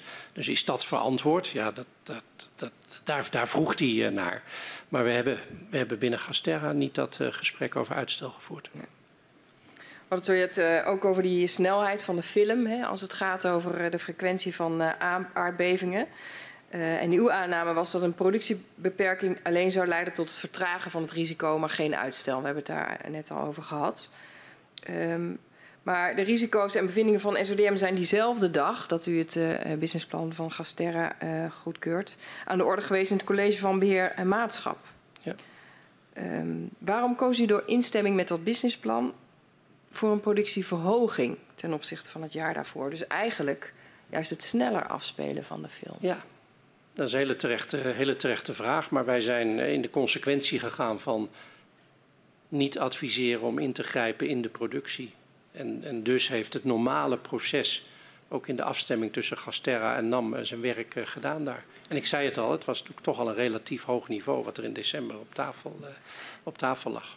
En de betekenis van het versneld afspelen van die film betekent ook hè, het verhogen van risico. Was dat onderwerp van het gesprek?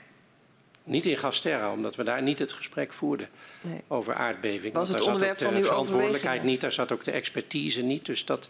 Was het onderwerp van uw overwegingen op dat moment? Dat het risico vergroot werd? Ja, maar ik heb het net proberen te beschrijven hoe, mijn beleving van, van mijn afweging en onze afweging toen was. Die zat heel erg op dat maximale uh, beving. En, en wordt die beïnvloed door de productie? Het inzicht toen was dat dat wordt niet door het huidige productiebesluit beïnvloed. Dat gebeurt of dat gebeurt niet.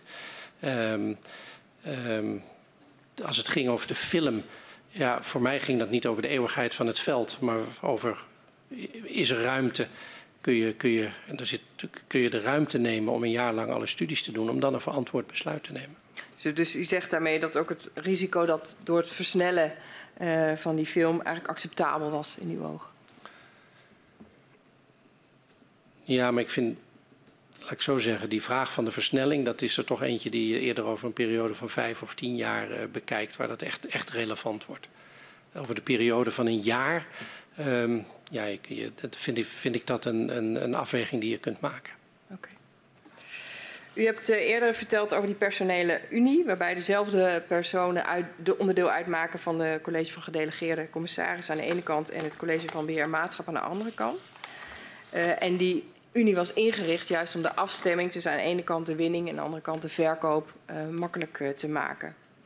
Wat was nou de reden dat de kennis die vanuit het College van Beheer Maatschap uh, beschikbaar was, niet te betrekken bij de besluitvorming in het College van Gedelegeerde Commissarissen? Nou, zo zou ik het niet formuleren, denk ik. Ik zou gewoon zeggen dat de, het gesprek over aardbeving en de risico's en de onzekerheid en, en wat er gaat gebeuren, dat werd eh, door dezezelfde mensen, want dat was de personele unie inderdaad, in het, met de NAM-directeur in het kader van het college beheer gevoerd. En dan werd dat niet overgedaan door dezelfde mensen bij Gasterra in, aanwezig, in afwezigheid van de NAM-directeur, in aanwezigheid van de CEO van Gasterra. Want die draagt daar ook geen, geen verantwoordelijkheid voor. Dus dat werd niet overgedaan. Dat was, dat had een, uh, dat, dat was logisch in mijn, in, in mijn ogen.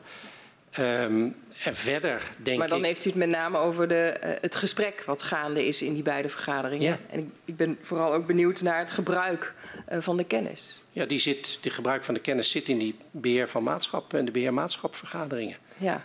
Um, en, en uh, daar worden de conclusies daaruit getrokken als die getrokken worden. Of ik vind in ieder geval het gesprek erover plaats. Want dat was het. Want de conclusie was uiteindelijk aan de minister natuurlijk. En die heeft hij ook getrokken. Dus dat deden we niet nog een keer over in Gasterra, want daar zat de NAM-directeur niet bij. En de Gasterra-organisatie ging niet over, op die manier over de productie. Die ging wel over hoeveel verkopen er zouden moeten zijn, maar natuurlijk niet over de productiefilosofie of hoe het veld erbij staat of het onderzoek wat moet gebeuren. Dus dat was niet het juiste gremium om het daarover uh, uh, over te hebben niet om het over te hebben. Tegelijkertijd is juist de afstemming tussen aan de ene kant winning en aan de andere kant verkoop een onderdeel van de, de, de ja. bedoeling van die personele unie. En u zegt ja, ook het gebruik van die kennis over en weer was niet aan de orde. Nee, omdat dat zeg maar de, de, de, de discussie over ingrijpen in de winning natuurlijk elders gevoerd werd. En, en als die niet tot de conclusie leidt dat er in de winning ingegrepen moet worden, is er ook geen consequentie voor de verkoop. Hoe, we, we hadden helemaal aan, aan het begin van het gesprek over die personele unie. Dus over, uh, over de coördinatie tussen winning uh, en verkoop. Dan wordt in de ochtend, eigenlijk met, met dezelfde groep mensen, maar een andere di directeur erbij, worden de risico's van de winning besproken, wordt, worden de, SO, de SODM-conclusies besproken. Die zijn niet mals, dat zal ook wel laten blijken, want ze, ze zijn zeer negatief over het winningsplan dat uiteindelijk wordt vastgesteld. En dan ga je het in de middag hebben over hoeveel er gewonnen gaat worden. Met dezelfde mensen en een andere directie. En dan, dan, dan speelt dat hele ochtendprogramma geen rol. Ik, ik, ik probeer me daarin te verplaatsen, maar ik heb moeite om me dat voor te stellen. Nou, hoeveel er gewonnen gaat worden, zat in de ochtend. Um, en, en of daar ingegrepen moest worden of niet. Um, vervolgens zit de verkoop. Dat is het gesprek met, uh, met, met, met Gasterra. Um, maar de Gasterra staat ook niet onder toezicht van de SODM bijvoorbeeld. Die staat onder toezicht van de NMA. Uh, SODM, de mijnbouw, is natuurlijk de toezichthouder bij de NAM. Het winningsplan is van de NAM. Maar Gasterra bestelt bij NAM de hoeveelheid te winnen gas? Ja, in overleg met NAM uh, wordt dat uh, vastgesteld. Um, maar de, de, de vraag was natuurlijk, moet er in de productie ingegrepen worden? Nou, die vraag is beantwoord wat ik zei met terugwerkende kracht, beter een ander antwoord geweest.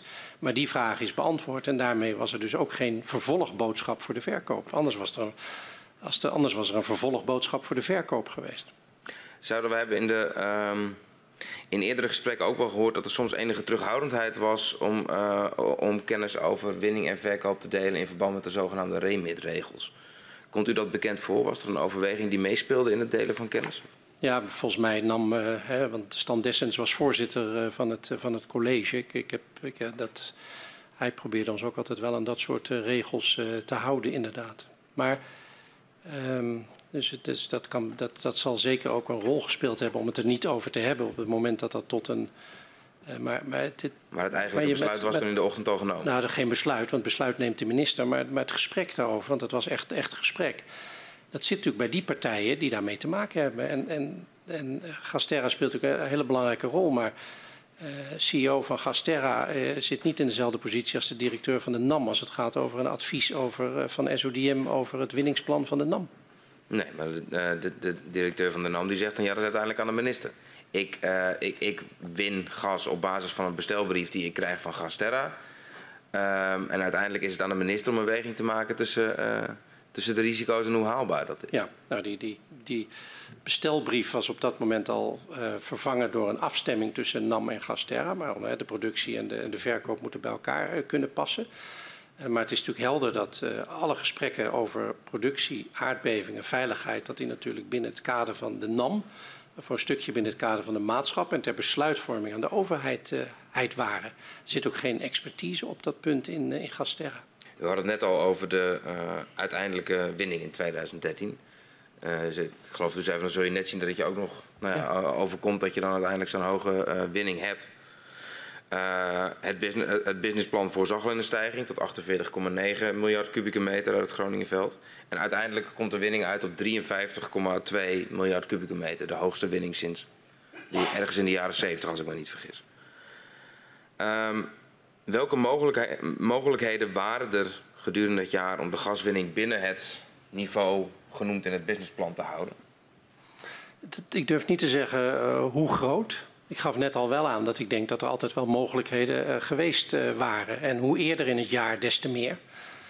Um, want hoe verder je bent, dan is er al geproduceerd, is er al verkocht. dus hoe eerder je bent, des te meer. Ik, ik, durf niet te zeggen de mate waarin. Wat ik, wat ik als mijn les zie hier, dat ik die vraag had moeten stellen in december of misschien nog een keer in februari. Van hoeveel kunnen we nog matigen zonder dat je in de risico's van leveringszekerheid of contractbreuk uh, terecht uh, kom? Die vraag had ik heel graag gesteld.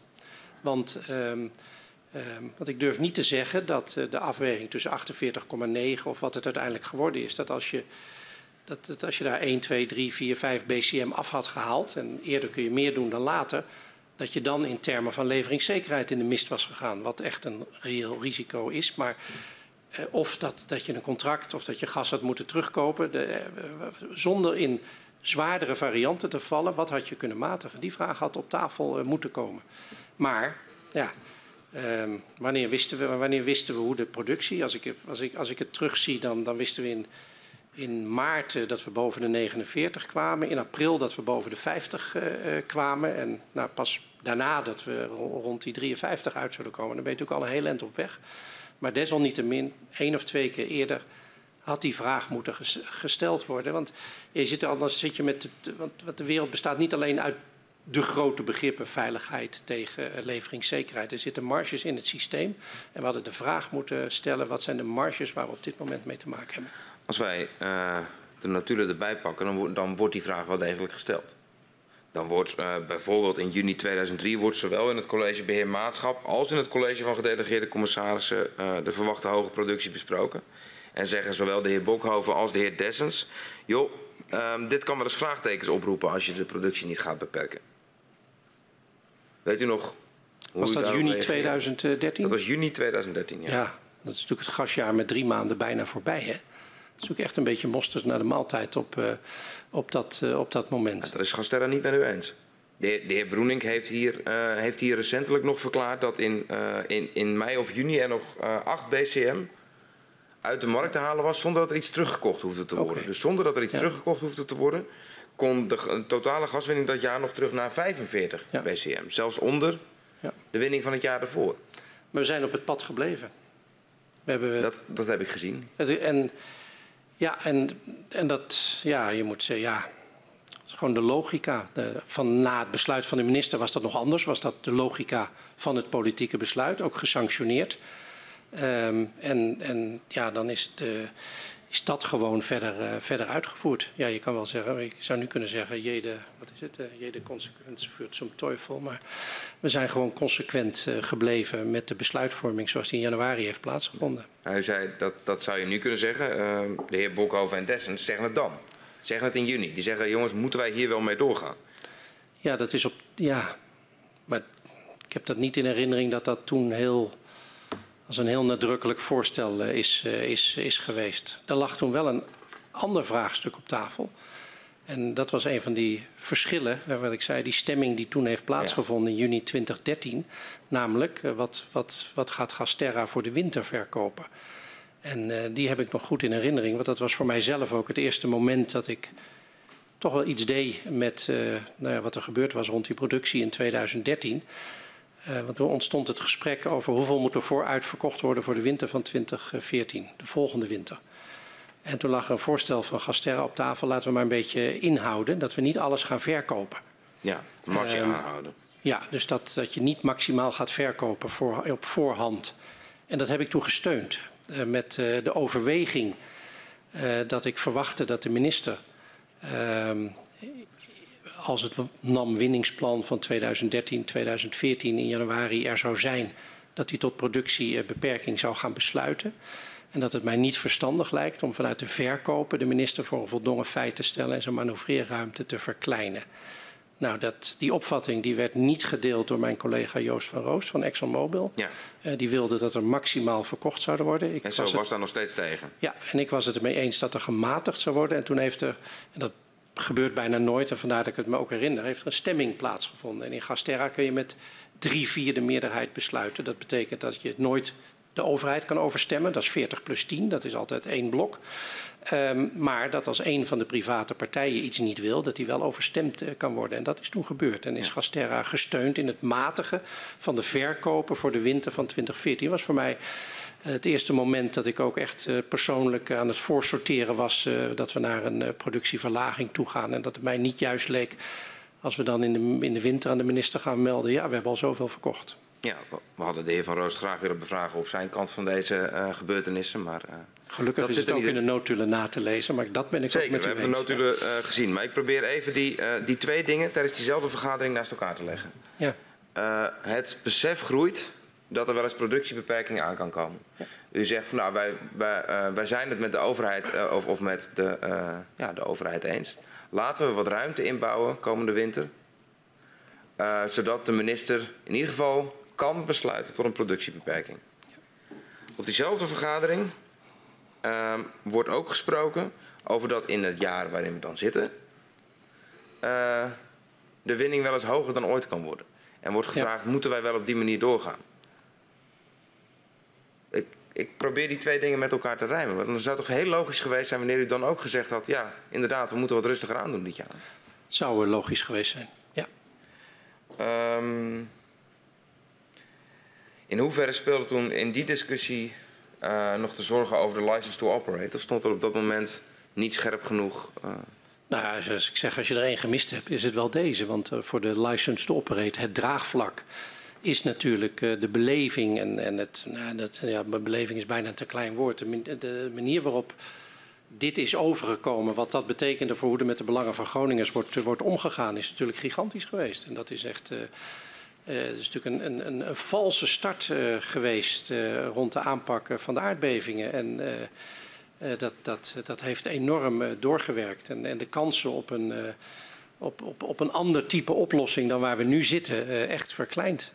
Dus vandaar, ja, als ik die film kan terugdraaien, had ik mijzelf graag een andere vraag laten stellen. En dan was je niet in een dramatisch andere wereld terechtgekomen. En, en het had het probleem ook niet opgelost. Alleen uh, dit heeft het probleem verergerd en dat had je natuurlijk absoluut willen voorkomen. We zijn inmiddels vijf kwartier bezig. Ik stel voor dat we even schorsen. Ik verzoek de griffier om u en mevrouw Verspakert even naar buiten te begeleiden.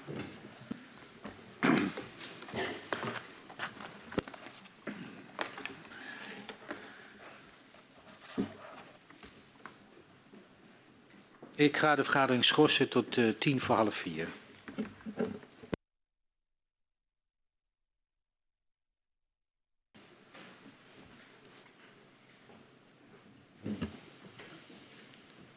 We gaan weer verder. En ik geef het woord aan mevrouw Thiele. Ja, 2013. Uh, dat jaar gaat in het teken staan van nader onderzoek. En op 29 november van 2013 biedt NAM een geactualiseerd winningsplan aan de minister van Economische Zaken. Hierin stelt NAM dat het veiligheidsrisico op dat moment wordt beoordeeld als acceptabel. NAM kondigt dan ook aan geen wijzigingen in de productie of productiefilosofie toe te passen. Werd deze conclusie volledig ondersteund door Shell? Ja, in mijn herinnering wel.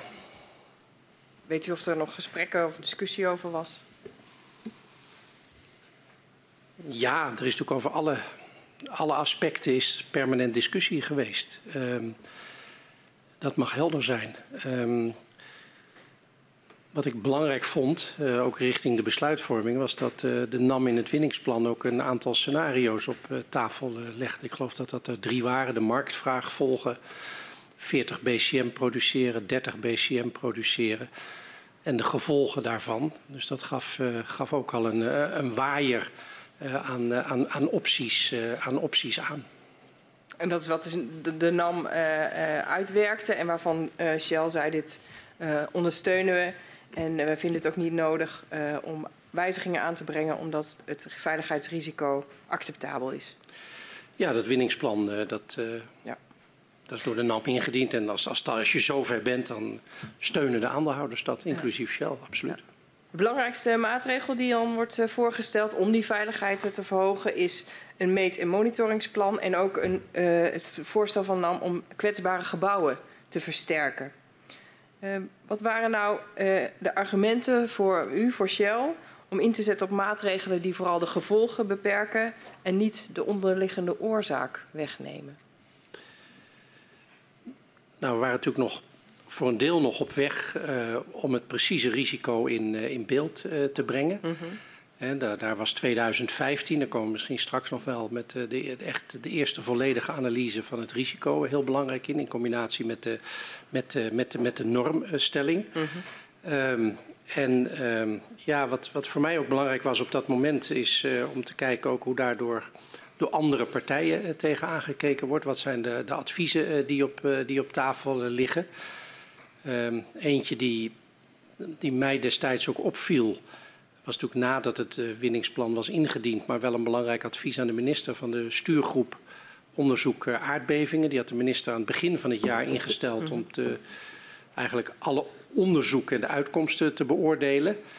Um, en die hebben op, en dat waren drie mensen, mevrouw, van der, uh, mevrouw Klip, professor Van der Hilst van uh, MIT en de heer Bruinesse, die is geloof ik ook uh, geweest van, van TNO. En die, die waren de stuurgroep onderzoek aardbevingen. En die hebben in december 2013 gezegd van, nou, de, de onzekerheden zijn, zijn groot, maar op korte termijn te overzien. Verwachting is dat meer onderzoek leidt tot lagere ramingen van het risico. En gegeven de vertraagde reactie van het systeem, de productie, um, is met de huidige productiefilosofie um, heeft de productievermindering weinig effect op het risico. Maar dat was, en, tweede, dat was in december. En ik en, wilde nog eventjes terug naar dat, de actualisering van het winningsplan. Ja, maar dat, dat, geeft aan dat zeg maar op, over, in brede zin langs dit soort lijnen geanalyseerd en gedacht werd en deze conclusies uit de onderzoeken uh, die gedaan waren, uh, werden, werden getrokken. Die stuurgroep zei toen wel, en dat is toen heel erg een rol gaan spelen in de discussie verder, want die ging volgens mij veel, meer, veel minder over de, de hoeveelheid productie dan de productiefilosofie, hoe we dat precies zouden doen. Dat er meer, meer uit het zuiden, minder uit het noorden, minder, minder bij Loppersum geproduceerd ja. zou, uh, zou, zou moeten worden. En, en die stuurgroep zegt ook, het meest directe effect heeft het versterken van de huizen op het verminderen van het risico. Ja, maar dat gaat dan met name over de gevolgen inderdaad en de onderliggende oorzaak. Zegt u, wat zegt u dan eigenlijk? Over het wegnemen van de onderliggende oorzaak van het veiligheidsrisico? Nou, daar, daar, werd, daar werd ook nog verder naar gekeken in mijn ogen. En, en er kwam natuurlijk, ja, even in mijn beleving, met ook de scenario's die op tafel lagen. Ik noemde net al in, in juni 2013 al bezig met de vraag van de, de productie zal beperkt worden. In mijn ogen waren we op weg naar een productiebeperking ook al en zou de minister dat, uh, dat gaan doen. Um, en uh, er was er begon eigenlijk het grootste gedeelte van het gesprek ging over de manier van produceren. Hè. Dat is wel aan de orde geweest ook eerder. Vlak, drukegalisatie, uh, Loppersum uh, ont, uh, ontzien. Maar en dat... ik merkte dat daar eigenlijk ook in de richting, dat daar heel veel discussie over ontstond. Ja, maar in dat winningsplan zit daar eigenlijk niks over opgenomen. Volgens mij zit daar de drukegalisatie in, want dat was de lijn waar de NAM op, op zat als een, als een preventieve maatregel in de manier waarop geproduceerd werd. En dat is, dus naast de hoeveelheid was zeg maar de, de wijze van productie en de impact die dat weer heeft op, de, op, op, op het veld en de grondversnelling en het risico begon eigenlijk steeds belangrijker te worden. Ja. Maar NAM schrijft dus, hè, veiligheidsrisico in november, eind november 2013. Het veiligheidsrisico is acceptabel. In dat uh, geactualiseerde wenningsplan staan nog geen wijzigingen over die productiefilosofie. Het belangrijkste is het versterken van kwetsbare gebouwen. En wat mij dan, uh, waar ik dan benieuwd naar ben, is dat als de ene kant wordt gezegd het risico is acceptabel, dat dan toch het versterken van gebouwen een belangrijk element is uh, in het geactualiseerde winningsplan om het veiligheidsrisico te verlagen. Ja, ik denk dat dat uh, uiteindelijk ook uitlegbaar is door de manier waarop de commissie Meidam dat ook heeft uh, op, uh, opgeschreven. Ja, maar dan zijn we ook alweer verder. Ja, dus maar dat was natuurlijk wel in ontwikkeling en, en dat, dat, dat was natuurlijk ook het, het uh, reflectie op het, op het denken van wat plaatsvond. Um, dus... Maar de NAM zegt, en u zei, hè, wij steunen dat helemaal als Shell. Het, het, het risico, veiligheidsrisico is acceptabel. In combinatie met de versterking. En dat is natuurlijk het probleem geworden.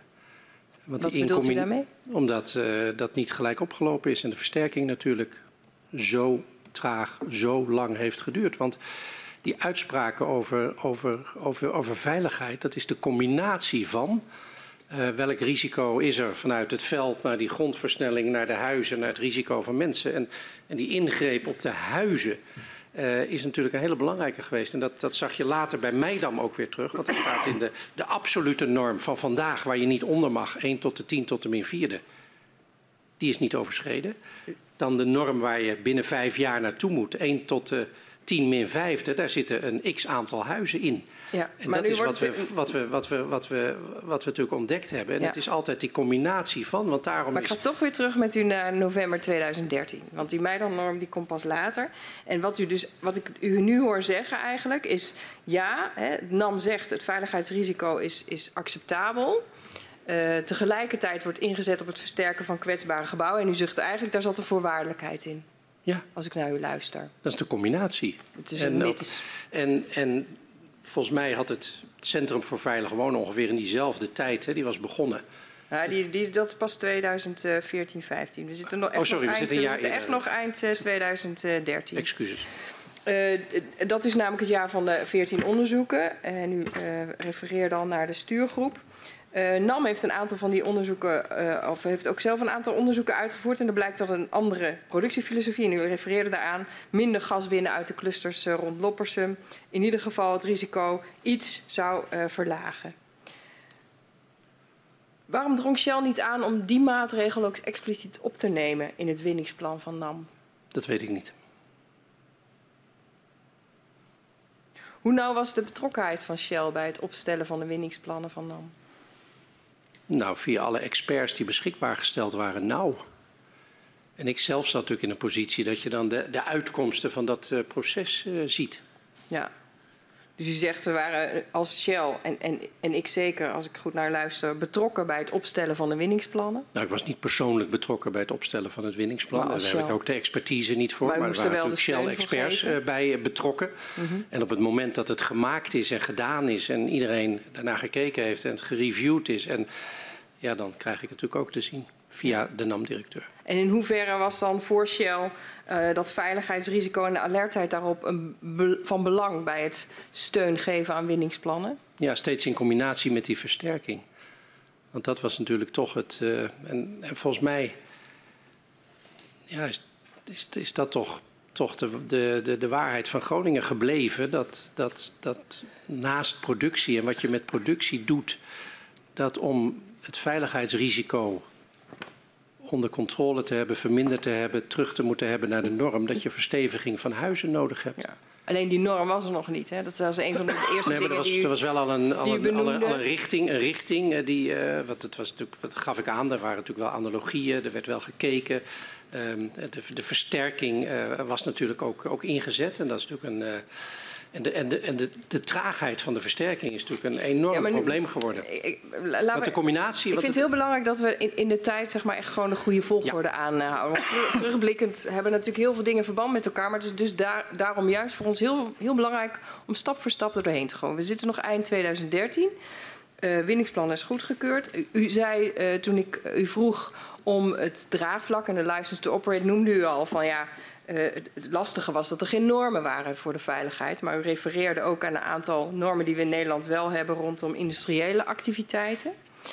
Um, die is overigens 1 tot macht 10 min 6 volgens mij, als ik het uh, goed heb uh, onthouden. Was nou gaswinning een, voor u, in uw ogen een industriële activiteit? Nee, niet per se. Maar ik was op zoek naar situaties waar je iets zou, kunnen afleiden. Ik heb natuurlijk het belang van die norm eh, benadrukt en dat die -hmm. door de overheid vastgesteld uh, moet worden. En de vraag gesteld, uh, is die er? Antwoord nee. Twee, uh, kun je hem afleiden uit? Uh, zijn er analogieën? Waar moet je aan denken? Hoe snel kan dit? Nee. U zegt er waren eigenlijk geen vaste normen. wel zegt u, hè, Shell, Shell vond belangrijk dat die veiligheidsrisico's een rol speelden in het steun verlenen aan de winningsplannen van NAM. Uh, en daarom is ook de, uh, de, de, de, steun van Shell aan het winningsplan uh, van november 2013 gewoon voluit was er. Maar u gaf aan, op voorwaarde van die versterking van kwetsbare gebouwen. Ja, want dat zat altijd als, in de, in, de, in ja. de combinatie van. Want er is geen. Toen al hoor, dat dat heeft niks met perspectief te maken. Maar er, is natuurlijk geen enkele. eh, alleen onderzoek red je het niet. Alleen productieverlaging red je het niet. Alleen schade red je het niet. Alleen versterken red je het niet. focus in het plan Het is was, altijd eh, een combinatie van. En ja. met name de combinatie tussen productie en versterken is natuurlijk een hele duidelijke. Ja. Staatstoezicht zegt, ja, wij vinden dat de eh, eh, risicoanalyse van NAM niet adequaat genoeg is. Of eigenlijk ontbreekt de adequate risicoanalyse. En staatstoezicht eh, oordeelt op basis van de eigen risicoanalyse dat de risico's heel hoog zijn. En staatstoezicht adviseert de minister ook om niet in te stemmen met het winningsplan. Wat was volgens u het verschil, de kern van het verschil in inzicht tussen staatstoezicht en Dat- de NAM? Dat en heb dus ik, ook, dat heb ik voor, voor dat moment veel minder concreet voor ogen dan het jaar eerder waar we het over hadden. Met, eh, ik heb dat niet heel precies eh, voor ogen. Ik weet wel dat dat advies er was en de kritische houding van de SODM. Daar vond ik het weer belangrijk om bijvoorbeeld ook vanuit mijn bestuurlijke rol te kijken naar wat zegt dan de stuurgroep onderzoek aardbevingen, die door de minister precies is ingesteld om alle onderzoeken door alle partijen en van daaruit een overzicht eh, te creëren. Wat zegt die commissie eh, vervolgens met Welke eh, commissie bedoelt stuurgroep onderzoek? stuurgroep, ja. onderzoek aardbevingen, onafhankelijk, ingesteld om precies ook, ik denk ook wel, maar goed, dat zou de minister moeten vragen, dat weet ik niet precies meer, maar ook vanwege het feit dat er natuurlijk gedoe was over de expertise en de onderlinge verdeeldheid in de gemeenschap. Ehm, ehm, om- Zegt u daarmee mee dat u eigenlijk niet eens was met die stelling van staatstoezicht? Nee, ik zeg dat op het moment dat je weer die verdeeldheid ziet, dat voor mij dan wel weer een referentiepunt is. Wat, wat zo'n stuurgroep die door de minister is ingesteld om precies dat overzicht te houden, geen enkele geschiedenis of afhankelijkheid eh, heeft. Eh, wat zegt die vervolgens over de uitkomsten? Ja. En eh, dat is natuurlijk een belangrijk, was voor mij weer een belangrijk richtpunt. Wat maakt dat zeg maar, die, stuurgroep eh, daar een, een misschien voor u eh, betrouwbaardere uitspraak over kan doen dan de staatstoezicht? Ja, ik, uiteindelijk ben ik natuurlijk vanuit mijn rol in, in, in, in Shell en de betrokkenheid bij de NAM. eh, volg ik de expertise vanuit NAM en Shell en Exxon die aangeboord is en, en wat zij gemaakt hebben. En voor mij was, vond ik dit wel weer eigenlijk als een soort extra check. Van als er nou anderen ook weer naar kijken, die ook de opdracht hadden om precies dit te doen, waar komen die dan Ja, was mee? dat de opdracht van de stuurgroep? Om, om de onderzoeken te beoordelen en eh, iets te zeggen over de uitkomsten daarvan. Ja. Was de opdracht van de stuurgroep niet vooral om te zorgen dat de onderzoeken onafhankelijk waren en tot uitkomsten leiden, maar niet zozeer wat die uitkomsten waren? Ze hebben daar wel uitspraken over gedaan. De vraag is of het de opdracht was. Die heb ik niet meer bekeken. Ik heb wel, Ik ga- de, ik heb wel de uitkomsten van en hun brief. En, eh, U vond het in ieder geval heel, heel belangrijk. Nou, laat ik zo u. zeggen, dat je bent toch weer. Nog dan, we zitten ook, mm, ondanks alle onderzoeken, is natuurlijk altijd onzekerheid. En ook als er verdeeldheid Mhm. is. Dus dan, dan ben je toch op zoek van wat, wat zijn nou. Wat zijn nou inzichten, wat zijn nou instanties die nog buiten wat je zelf uit je eigen bedrijf hoort en waar je zegt, daar vaar je op, want we hebben onze eigen expertise ingezet. Ehm, nou, vond ik dit voor mijzelf wel weer eentje die opviel, dat ik dacht, oké, Op eh, 20 november eh, komt het onderwerp eh, eh, over de veiligheidsrisico's aan de orde in de vergadering van het college van eh, beheer maatschap. Eh, en u zegt dan eh, eh, dat die uitkomst van die risicokwantificering eh, eh, erg relevant is. Ehm, maar u vraagt zich eh, af of eh, NAM in staat is om, eh, om sta- staatstoezicht te overtuigen. Eh, en welke rol het ministerie daarin eh, zou kunnen spelen. Wat bedoelde u daarmee? nou, weer die, datzelfde pogen vanuit die, ja, dat probleem van die verdeeldheid. Om te kijken, eh, ook in verder het vormen van verder overleg, kunnen SODM en NAM dichter bij elkaar komen. Want dat zou natuurlijk iedereen die daarbij betrokken was enorm helpen. Maar het was vooral belangrijk dat de, de kennis en de, en de inzichten van de NAM daarbij een uitkomst zouden zijn. Nou, daar sta je open voor, want dat hebben we natuurlijk ook al eerder gehad. Er zijn natuurlijk eerder inzichten van de SODM ook gevolgd eh, op, op heel veel punten. Het belang is, mijn grootste belang was, eh, alsjeblieft, eh, kijk of je daaruit kunt komen onder experts. Want ja, dat is misschien een beetje een naïeve gedachte, maar experts zouden toch eens moeten kunnen worden op grond van de expertise en de feiten. En daar hoopte ik steeds maar op. Ja. Er wordt al een jaar lang onderzoek gedaan. En u zegt ook dat bij, de, bij dat geactualiseerde winningsplan uh, gaf u net ook aan, hè, dus een combinatie van maatregelen uh, nodig. Hè. Niks staat op zichzelf eigenlijk. U zegt alleen versterken is niet uh, voldoende, alleen productieverlaging is ook niet voldoende. Um, toch begrijpen wij uit alle informatie die we hebben dat NAM en ook Shell eigenlijk vooral pleiten voor versterking.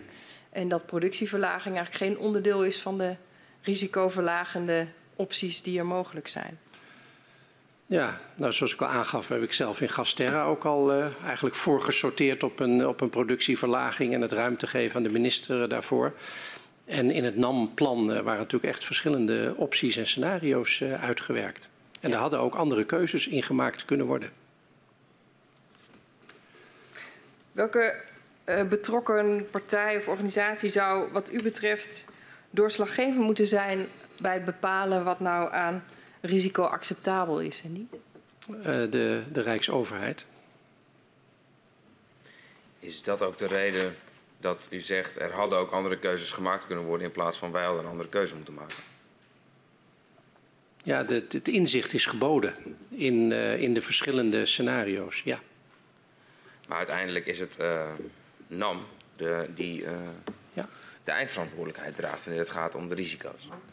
Eh, NAM maakt die beoordeling, ook op grond van alle studies die gedaan waren. Die heeft gezegd, dit is een, eh, een verantwoord winningsplan, maar daarbinnen zitten de opties.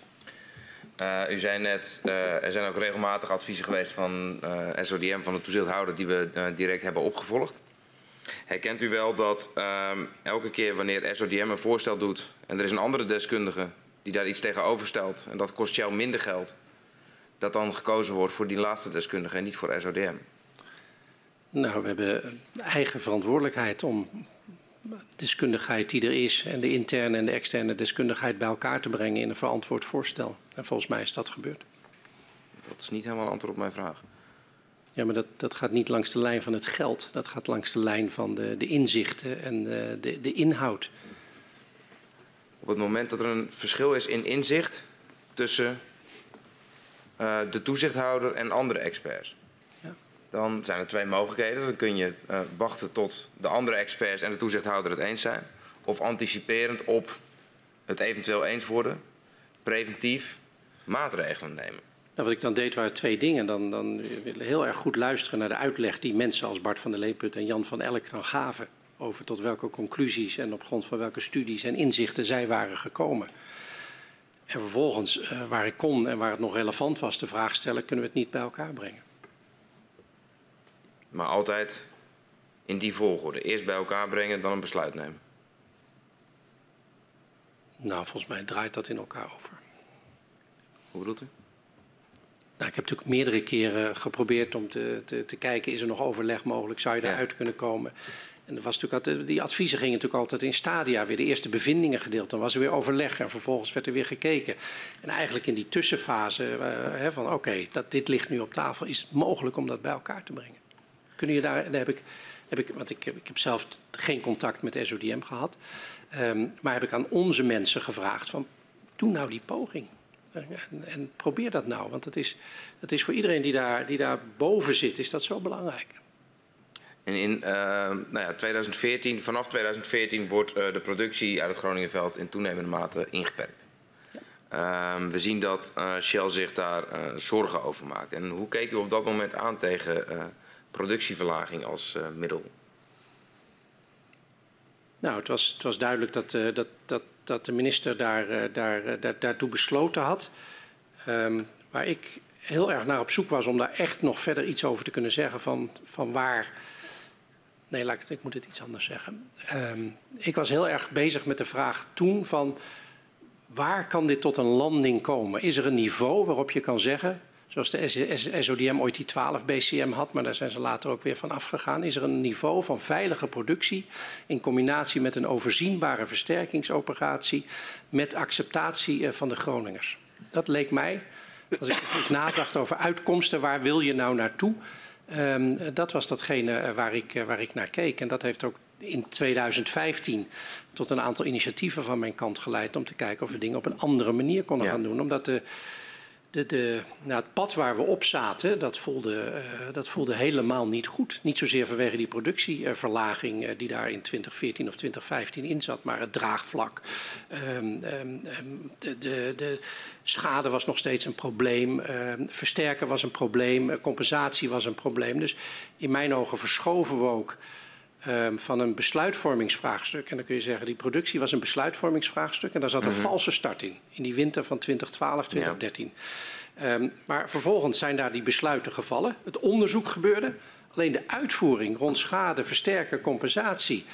Uh, dat bleef maar duren. Dus we zijn van een besluitvormingsvraagstuk, denk ik, naar een uitvoeringsvraagstuk uh, gegaan.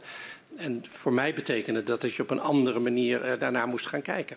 Nou, mijn vraag ging nog over dat besluitvormingsvraagstuk. Namelijk over op het moment dat de minister besluit de winning te verlagen, hoe Shell op dat moment aankeek tegen productieverlaging. Zag men dat wel als een effectief middel om de risico's in te perken? Of was het meer zoiets van, nou ja, we moeten het doen, want de minister heeft het besloten? Nee, volgens mij. Uh... Ja, volgens, als ik, als ik, ja als ik, als ik, volgens mij zaten we op de lijn dat dat gewoon moest zo. Ja. Um, op 8 april 2015 stuurt een senior adviseur van Shell ter voorbereiding op een diner met uh, de top van het ministerie, uh, de directeur van NAM en de heer Van Roos van ExxonMobil, hij werd net al genoemd, uh, een, memo, een, memo, aan u. Uh, ik wil even een stukje daaruit voorlezen. En dat gaat over de productiefilosofie en dat heet moeras zonder ankers. Want als productieverlaging eenmaal gepresenteerd wordt als een valide maatregel voor de veiligheid, dan zit er geen stop op. Als 33 uh, miljard kuub veiliger is dan 39, dan is 20 ook veiliger dan 33 enzovoorts. Als we doorgaan op de ingeslagen weg van productieverlaging, dan is de logische uitkomst dat uh, Groningen rond 2023 op nul kan staan. Zeker, uh, even kijken hoor, ja, OBV nog een extra stikstofinstallatie, dus als die er ook nog bij komt. Leveringszekerheid is geen goed anker, want ook die leidt, sorry, ik zal letterlijk citeren, leidt tot neerwaartse spiraal. Met een tweede additionele stikstoffabriek kan Groningen productie rond 2023 op nul gebracht worden. Um, herkent u deze discussie binnen? Nou, dit, dit, citaat niet, maar als u het zo voorleest, heeft het een hoge voorspellende waarde uh, uh, gehad, want dit is wat er gebeurd is. En ik zelf was met iets heel anders, niet iets heel anders. Ik was, ik was bezig met een uitkomst waarin nog combinaties uh, mogelijk waren, waarin er nog gas geproduceerd zou worden op een veilig niveau, waarin de versterking en de schadeafhandeling a tempo zou, zou gebeuren. Um, en uh, waar, uh, waar het draagvlak uh, voor en door Groningen aanwezig zou zijn. Ja, maar er zit ook een ander punt in. En dat is het argument dat productieverlaging nooit een valide maatregel voor de veiligheid. Ge, Ja, vond ik toen achterhaald. Dat, dat, de 2012 had ik dat ook wel gezegd. Want, want toen wisten we natuurlijk, hadden we daar relatief weinig inzicht over. En ook de productiefilosofie. De, toen dan had ik dat wel een terechte opmerking gevonden. Op dit moment vind ik dat geen terechte opmerking meer. Um, komt het dan nog wel terug tijdens het etentje? Want ik bedoel, dit, is een, uh, dit is een memo dat uh, dient ter voorbereiding van een diner tussen de aandeelhouders van NAM en het ministerie. Geen enkele herinnering aan dat etentje. Ik zit even te kijken. De, uh, 8 april 2015 is het memo. Ja. Maar ik kan me voorstellen dat dat uh, al enkele dagen voor een eventueel etentje rondgestuurd wordt. Neem, neem ik aan, maar ja, ik heb daar geen enkele herinnering aan. Dus dat zal, zal niet heel spannend geweest zijn. Dan, nou, dan valt in ieder geval mijn, uh, mijn vraag hoe de, be, hoe de bespreking verliep, uh, die valt dan in het water. Um, toch blijft de productieverlaging dan uh, hangen. En dat, dat, dat intrigeert mij, omdat we het enkele onderwerpen geleden hadden over dat minder gaan winnen geen optie was, zolang er nog onderzoek nodig was. Het onderzoek is nu klaar, dat zei u zelf ook. En toch is het standpunt van Shell nog steeds: minder winnen gaat niet helpen. Dat is een pad waar we eigenlijk niet op moeten gaan, ondanks de nieuwste veiligheidsinzichten. Volgens mij werd dat steeds meer een discussie over de mate, eh, de mate waarin en het, en het tempo eh, waarmee en de onderbouwing eh, daarvan en de combinatie met de versterkingen. Zoals ik al aangaf, ik, zat zelf in een, in een denkraam waar, waar er duidelijk minder geproduceerd zou gaan worden, maar niet dat we naar nul zouden gaan. En dat zou alleen maar kunnen als die versterking en die schadeafhandeling op orde zou zijn en als dat ook door Groningen gesteund zou worden. Dat was de combinatie waar ik naar op zoek was en daar heb ik in de loop van 2015 een aantal ideeën en initiatieven eh, voor, voor ontwikkeld om te kijken of, of daar nog een kans eh, voor, zijn, voor zou zijn. Uh, die kennen we waarschijnlijk onder de naam New Deal.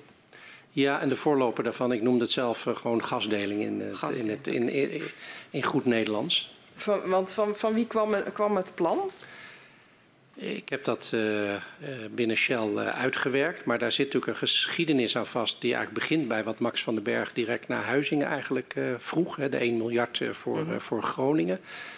Vervolgens de commissie Meijer, wat voor mij destijds in 2013 een belangrijk advies was. En ik heb ook heel hard meegeholpen binnen Shell en ook soms tegen Exxon om dat advies vertaald te krijgen in het bestuursakkoord van 2014, waar dus NAM ook voor het eerst niet alleen schade, versterking en dat soort dingen, maar ook aan economisch herstel in Groningen gaat bijdragen, die 125 miljoen. Daar heb ik eigenlijk op twee elementen, op een paar elementen voortgeborduurd. Van nou kunnen we naar een, een, veilig productieniveau waarbij de versterkingsopgave gedaan wordt. Want dan heb je de combinatie die nodig is. Want wanneer kwam die vraag bij u op?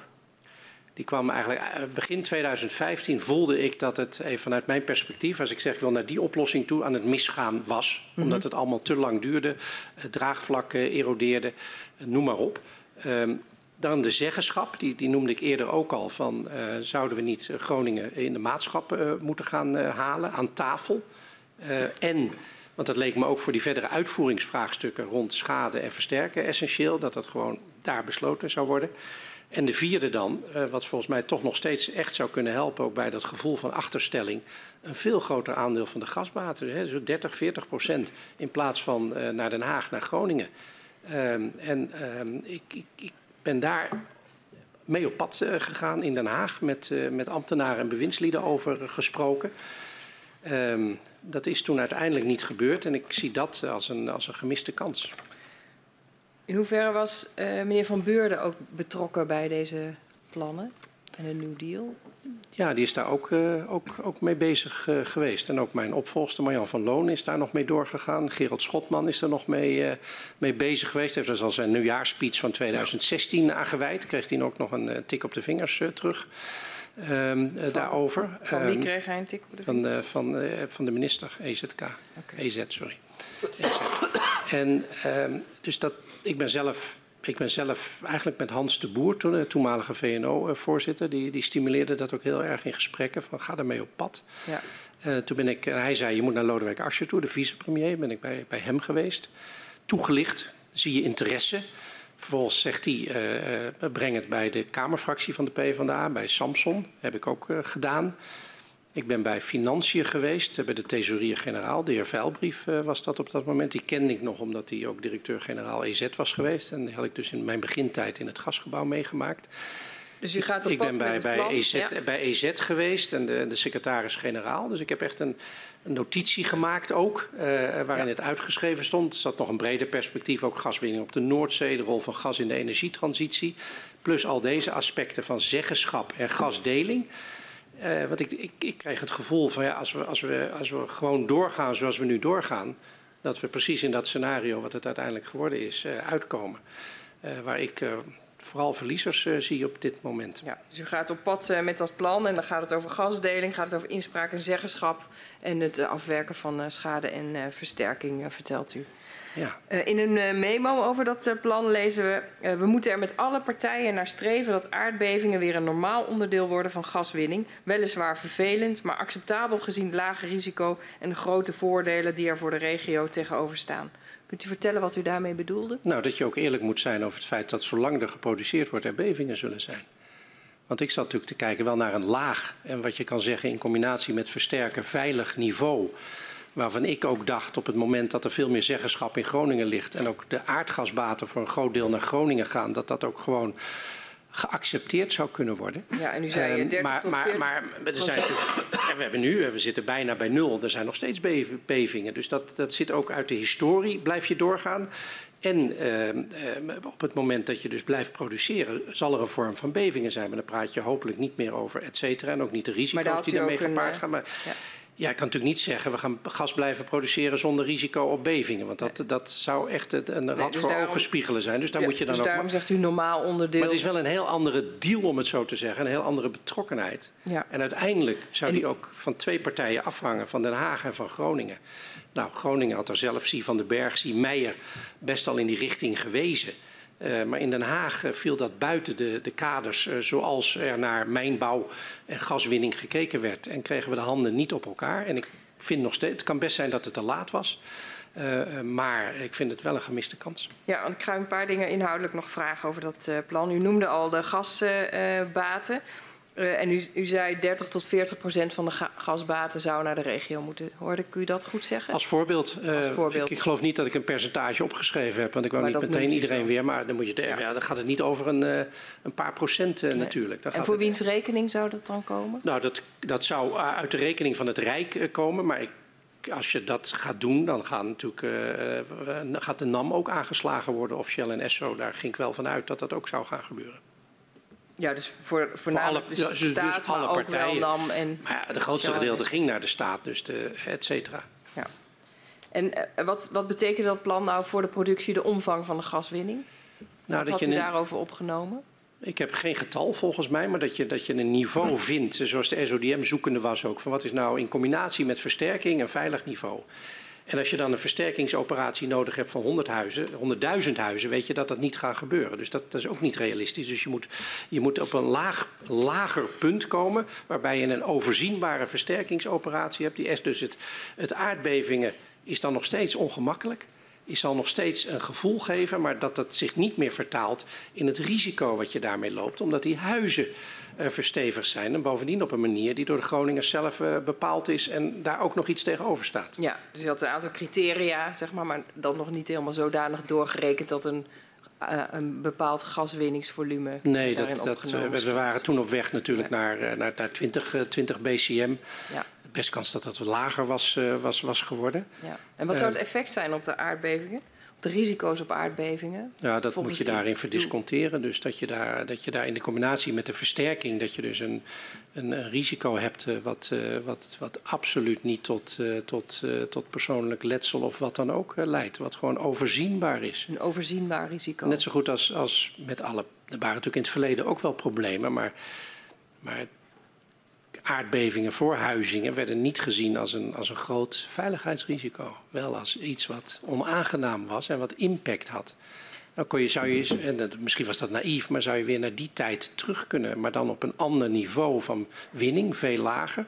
Met alle andere maatregelen die getroffen zijn. En een, en een, en een bovengrondse omgeving die daarop ingericht en aangepast is. En dat Ja. zou natuurlijk in combinatie met die middelen voor Groningen een kwaliteitsimpuls van je welste zijn. En wat had u opgenomen in het plan over de veiligheid voor inwoners? Dat je dat niveau moest vinden in die combinatie van. En dan moet je natuurlijk, wat ik aangaf. Kijk, als je 5000 huizen moet versterken voor een bepaald niveau van productie, in die combinatie. Vanwege het feit dat je, nou, daar heb je het model voor, het Hazard and Risk Analysis model. Ja, dan is dat overzienbaar, dan is dat realistisch. En dan kan je het ook gaan afronden, kan je het, kan je het rondmaken. En wa- was het nou, u, bent er bij heel veel mensen eh, eh, langs ge- ge- geweest eh, om, het, om het met hen te bespreken. Was het een, een, een, een serieus, realistisch plan dat de voorkeur zou moeten hebben?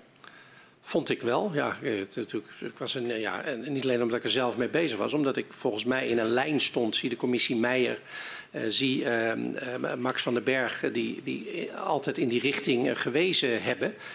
En de reacties van een aantal gesprekspartners waren positief. Alleen, ja, in het, zeg maar een gesprek dat positief is, Ja. betekent nog niet dat de betrokkenen gaat zeggen: ik ga dat oppakken en ik Nee. ga hier de verantwoordelijkheid voor nemen. En ik, als ik daarop moet terugkijken, dan denk ik, ja, misschien was het wel iets te laat eh, dus. Ehm, want te gevoelig en eh, oh jee, eh, moet ik dat dan gaan zeggen? Eh, inclusief het feit dat er nog aardbevingen kunnen voorkomen, maar et cetera. Dus dat, ja, dat, dat kan best te gevoelig zijn geweest. Maar ik heb geen kampioen gevonden die ik nodig had in de politiek die ging zeggen: Dit dit, dit, dit, dit wordt het. Misschien had ik het zelf nog publiekelijker moeten neerzetten.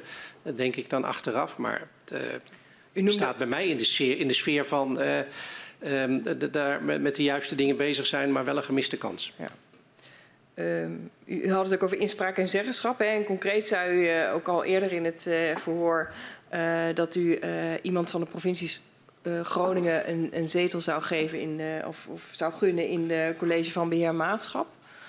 Wat was daar wat u betreft de achterliggende gedachte achter?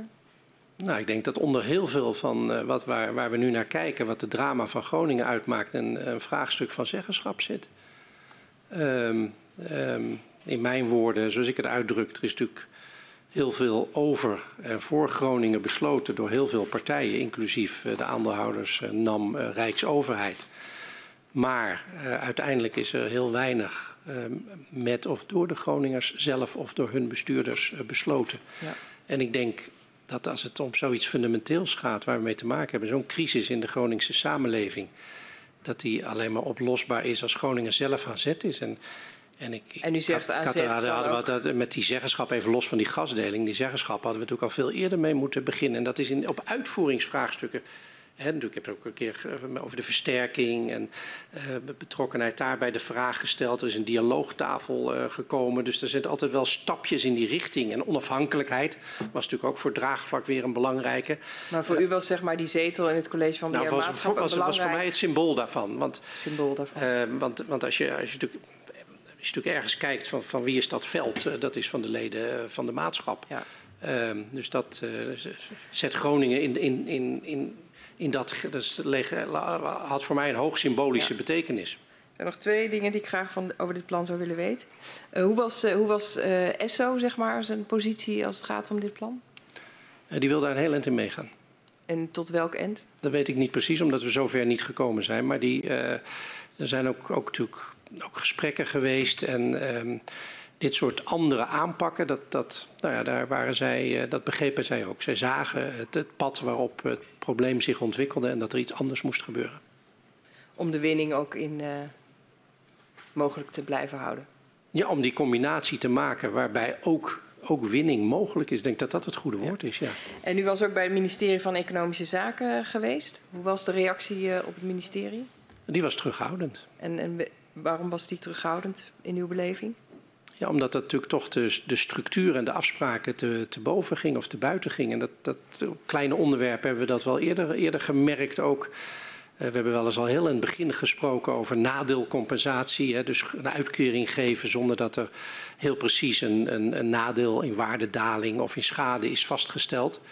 Ja, daar staat in de mijnbouwwet in 2003 dat er geen, of, geen, uh, wat, uh, geen nadelcompensatie uh, uitgekeerd mag worden. Dus wordt daar aan vastgehouden. Dit gaat natuurlijk alle, alle afspraken over de, de de ondergrond in Nederland is van de overheid, is, is van ons allemaal. En niet van Groningen eh, of niet van eh, Limburg destijds met de dat kolen. Dat was de reactie die u daarop kreeg? Ja, dat, dat, je voelde gewoon dat dat buiten het beleid uh, viel. En had u er met de minister zelf nog over gesproken? Ik, ik, ja, alhoewel ik aan dat gesprek geen hele actieve herinnering heb. Maar ik denk dat het, want ik heb in december volgens mij van 2015 nog een gesprek, volgens mij ook met Ben van Beurden met de minister gehad. Ik denk dat ik het daar aan de orde heb gesteld. Okay. Um, ik probeerde wat u zei over die nadeelcompensatie um, goed te begrijpen. Um, zegt u daarmee dat een deel van de terughoudendheid van het ministerie van Economische Zaken erin zat dat naar hun mening dit niet conform de wettelijke bepalingen in de mijnbouwwet zou zijn? Ja. Of? Dus ja, daar staat bijvoorbeeld dat je geen uh, onverplichte nadeelcompensatie uh, uitkeert. Dat is beleid en die, die staat volgens mij zelfs in die wet.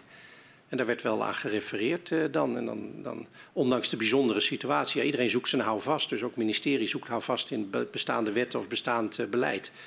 En, uh, en, en, dat was dan het antwoord.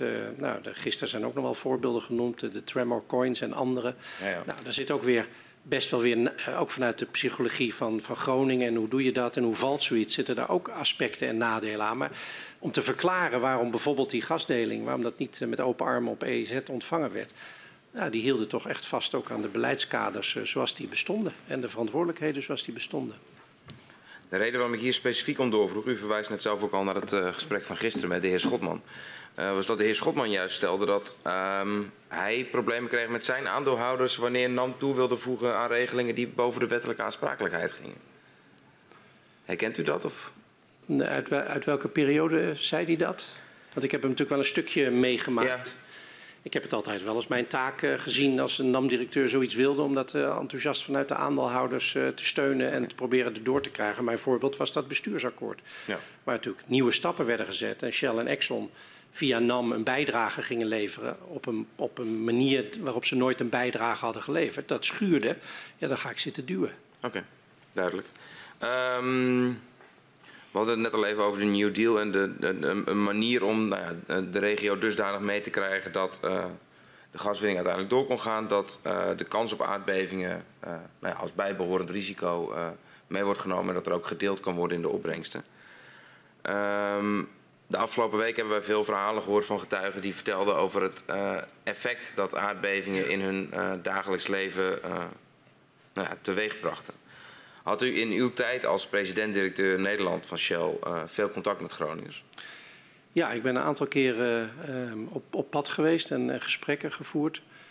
Soms met, met bestuurders, burgemeester Rodenboog en met hem in, Loppersum geweest. een keer een hele tocht door de provincie, ook naar de versteviging toen die op gang was gekomen. En dan zie je de stutten uh, op de cafés en uh, de boerderijen. En dan besef je, ik ben in aardbevingsgebied. Hè. Dat maakte dat wel heel zichtbaar uh, ook. Boerderij bezocht met bewoners over wat daar met die boerderij gebeurd was. En toen de versterking begon, ehm, vond ik ook wel indringend. Een, een bezoek aan een huis in Loppersum. Um, wat, wat NAM toen nog, hè, in die fase was NAM dat. Um, had gekocht en, en gewoon in een straat, helemaal gestript alles eraf gehaald. En dan uh, om te onderzoeken wat is nou de methodiek om dat huis te versterken. Via een omhulsel, uh, via dit, via dat. Nou, dat, dat, dat vond ik ook wel, ook wel onthullend. Om, ja, het huis was helemaal gestript, maar om, om te zien van welke opgave dat was. Dat bracht je ook wel aan het nadenken over. Ik noemde net die getallen van we gaan natuurlijk nooit 80.000 huizen versterken. Dat ga je helemaal niet doen op die manier. Dat kan niet. Dat kan niet de uitkomst van het vraagstuk zijn. Dus dat moet op een heel ander niveau. Een aantal duizend dacht ik wel dat mogelijk uh, had uh, moeten zijn. Maar dat, dat gaf je toch ook al, een, ook al een gevoel en het ingrijpende karakter ervan. En, en ook, ja, wat, dat, wat ik natuurlijk ook al, ook al een keer in een vergadering gezegd had. Ja, dat, dat, dat moet toch ook lokaal besloten gaan worden als je dat gaat doen. Dat kan niet zomaar door een bedrijf die een dorp doorgaat. En, of een straat of hier een huis en daar een huis en dat zo gaat doen. Daar moet iets gebeuren. Dus dat soort, uh, ja, dat soort momenten die heb ik nog, uh, nog, duidelijk, uh, nog duidelijk voor ogen. Wat vertelden bewoners u wanneer ze met u in gesprek waren? Dat, um, nou ja, dat, dat huizingen anders was. En daar ga je toch steeds weer naar terug. Want hoe ze dat anders, anders beleefd hadden. Um, en ja, in het begin bijvoorbeeld als je mensen sprak... was de schadeafwikkeling was eigenlijk nog wel oké. Okay. En het eerste jaar. Ook door NAM. Na Huizingen bedoelt u? Ja. Um, um, op een gegeven moment met meer bevingen en heel veel meer meldingen begon dat over de schoenen te lopen. Dus dan, dan, merkte, je, dan merkte je dat. Um, ja, je, je, begon natuurlijk te. Uh, wat, natuurlijk het, het, het, wat ook allemaal is blijven oplopen, zijn natuurlijk de gevoelens uh, van onveiligheid. En en toenemende frustratie omdat het lang duurt. Het is natuurlijk een hele, hele mix uh, geworden op een gegeven moment. En dat, ik heb daar de, zeg maar de eerste stappen van, uh, van gezien uh, toen ik daarbij bij betrokken was. En, en mijn gevoel was toen vandaar dat initiatief waar we het net over hadden. Er moet iets anders gebeuren, anders zitten we in de voorspelling die je zojuist citeerde. En andersom, wat, wat vertelde u aan die bewoners wanneer u met ze in gesprek was? Ik weet niet of ik veel vertelde. Het was toch vooral ook luisteren. en vragen stellen. Um, en uh, nou ja, mensen die in schadeafhandeling zaten, hoe het met de NAM ging, of de versterking, of er al een plan uh, voor, het, uh, voor het huis was. met de burgemeester natuurlijk ook meer, van die was behalve nog met de bewoners ook nog weer met monumenten bezig en dergelijke. Een kerk in Loppersum bekeken, kan ik me herinneren, waar toen al heel wat gedaan was. Dan ging het toch vooral weer over, het, over de aanpak en het tempo. Uh, tijdens een hoop van die verhoren ging het ook over de, uh, de impact die de aardbeving zelf had op de levens van mensen, maar ook de nasleep, de schadeafhandeling, de versterking die het nog altijd had en heeft. U refereerde daar zelf ook meerdere keren uh, aan. Um, was u zich er op dat moment ook voldoende van bewust dat behalve dat veiligheidsaspect, behalve de acute onveiligheid, ook schade, rompslomp, gedoe, bureaucratie, onzekerheid, waarmee bewoners te maken hebben voor een zware um, psychische belasting zorgen. Ja. En ik denk dat hij in de loop der tijd alleen maar sterker is, uh, is, uh, is, is, is geworden. Dus ja, ik, ik denk dat dat besef en, en wat, dat, wat dat betekende, dat dat.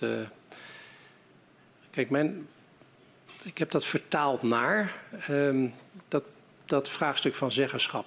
Dat ik dacht, dat ik denk, dacht, dat het daar veel mee te maken heeft. Want het is natuurlijk, um, nou dat kennen we allemaal wel, als, als iets je overkomt, waar je geen invloed, waar je niet op gevraagd hebt en waar je geen invloed op hebt. En vervolgens in de, in de gevolgen daarvan, et cetera. En de machteloosheid die dat met zich meebrengt. Dus ik had heel erg het gevoel als we nou in de aanpak, eh, dus niet alleen denken van wat is nou technisch gezien de juiste aanpak of, of wie moet dat coördineren, maar als we nou gewoon de zeggenschap op, op het niveau van bewoners of vertegenwoordigers van bewoners gaan leggen, dan, dan geeft dat toch ook weer grip waarschijnlijk op een hele moeilijke situatie. En dat het juist ook aan, die, aan de kant van de, van de psychologie zou kunnen helpen. Ja, dat was inderdaad mijn vervolgvraag. Van, denkt u niet dat wanneer die zeggenschap inderdaad naar Groningen is gegaan was, dat zij uh, vrij rap besloten hadden om de gaskraan dicht te draaien? Dat, dat zou kunnen. Dat zou kunnen. Dat, uh... um, maar zonder dat we dat zouden doen, zou het zeker gebeuren. En dat is ook gebeurd. Ja. Was dat te voorkomen geweest, denkt u? Denkt u dat wanneer uh, inwoners beter of tijdiger waren gecompenseerd, dat sluiting van het gasveld niet per se nodig was geweest? Dat vind ik nou zo moeilijk. Hè? Ik ben bang als ik ja zeg dat ik, dat ik het nog weer onderschat op een of andere manier. Alsof ik er dan. Want het is nu natuurlijk qua. Nou, natuurlijk de, ook de, de beelden en de, en de verhalen hier gehoord. Eh, ik ook. Dus eh, laat ik het zo zeggen. Ik vond toen en vind nu nog. Uh, nou, A. Zeg maar die betrokkenheid bij dat winningsbesluit of dat niet ingrijpen in 2012, 2013, dat is een valse start geweest. En dat heeft heel veel heel veel pijn gedaan uiteindelijk. En, en um, dus, dus tegelijk vind ik nog 2015 is, blijft voor mij een gemiste kans. Maar ja, heel moeilijk om de, de als dan. Ik heb nog een aantal, uh, aantal vragen naar aanleiding uh, van het eerste deel van het uh, verhoor. En dat gaat over um, de memo Moeras zonder ankers. Um, er was een dinner en u zei, um, ik, ik, ik weet niet welk diner dat, dat was geweest. Dat was het jaarlijkse diner aandeelhouders NAM, ministerie EZ. En in mijn informatie st stond u ook op de lijst om bij dat diner aanwezig te zijn. Um, en dan ligt er dus dat memo, moeras zonder ankers wordt, dat, uh, wordt dan gezegd. Als een productieverlaging eenmaal gepresenteerd wordt als een valide maatregel voor de veiligheid, dan zit er geen stop op. Als 33 BCM veiliger is dan 39, dan is 20 ook veiliger dan 33 enzovoorts. Als we doorgaan op de ingeslagen weg van productieverlaging, dan is een logische uitkomst dat Groningen rond 2023 op nul kan staan op basis van uh, nog extra stikstofinstallatie. Het leidt tot een neerwaartse spiraal als uh, het alleen gaat over leveringszekerheid. In een scenario enkel gebaseerd op leveringszekerheid wordt op lange termijn 300 tot 500 miljard kubieke meter minder Groningen gas gepro geproduceerd met een verlies van 50 tot 125 miljard euro. Dat was het memo wat er was. Uh, dat jaarlijkse diner ging, uh, vervolgde daarna. Was u daarbij? Dat, dat, weet ik niet. Nee. Ja, ik heb veel kunnen nakijken, met name notulen, maar ik heb mijn agenda van die tijd uh, niet meer. Dus ik, kan ook, uh, ik heb dat ook niet, uh, zou ik ook niet zomaar voor u, voor u kunnen checken. Het, het erg is nog, ik heb geen enkele herinnering aan het jaarlijkse diner. niet alleen de aflevering 2014 niet, maar überhaupt het jaarlijkse diner niet. Nee. Want het, uh, oké, okay, nee, de, de, de, de, boodschap van, van het memo is helder dat. Ja, dat... Daar, daarvan zeg ik, dat, dat vind ik niet terecht geformuleerd op dat moment. Ik zou dat op dat moment zelf niet zo meer formuleren. Nee, op dat moment, ja, oké. Okay. Um, dan is in december uh, uh, wel een, een meeting, daar heeft u ook al aan gerefereerd, samen met uw baas, Ben van Beurden. met minister-president Rutte en de, en de secretaris-generaal van het ministerie van Economische Zaken, ook over de hoogte van de gaswinning. Wordt dan dit punt van die productieverlaging, productievolume, uh, wordt dat ook ingebracht door Shell? Nou, ik neem aan op de manier waarop ik het, waarop ik het net daarover had, hè, in relatie tot, uh, tot die, nou ja, die, die gasdeling, eh, die zeggenschap, veiligheid, versterking, is er een, is er een acceptabele landing, zo te zeggen, mogelijk.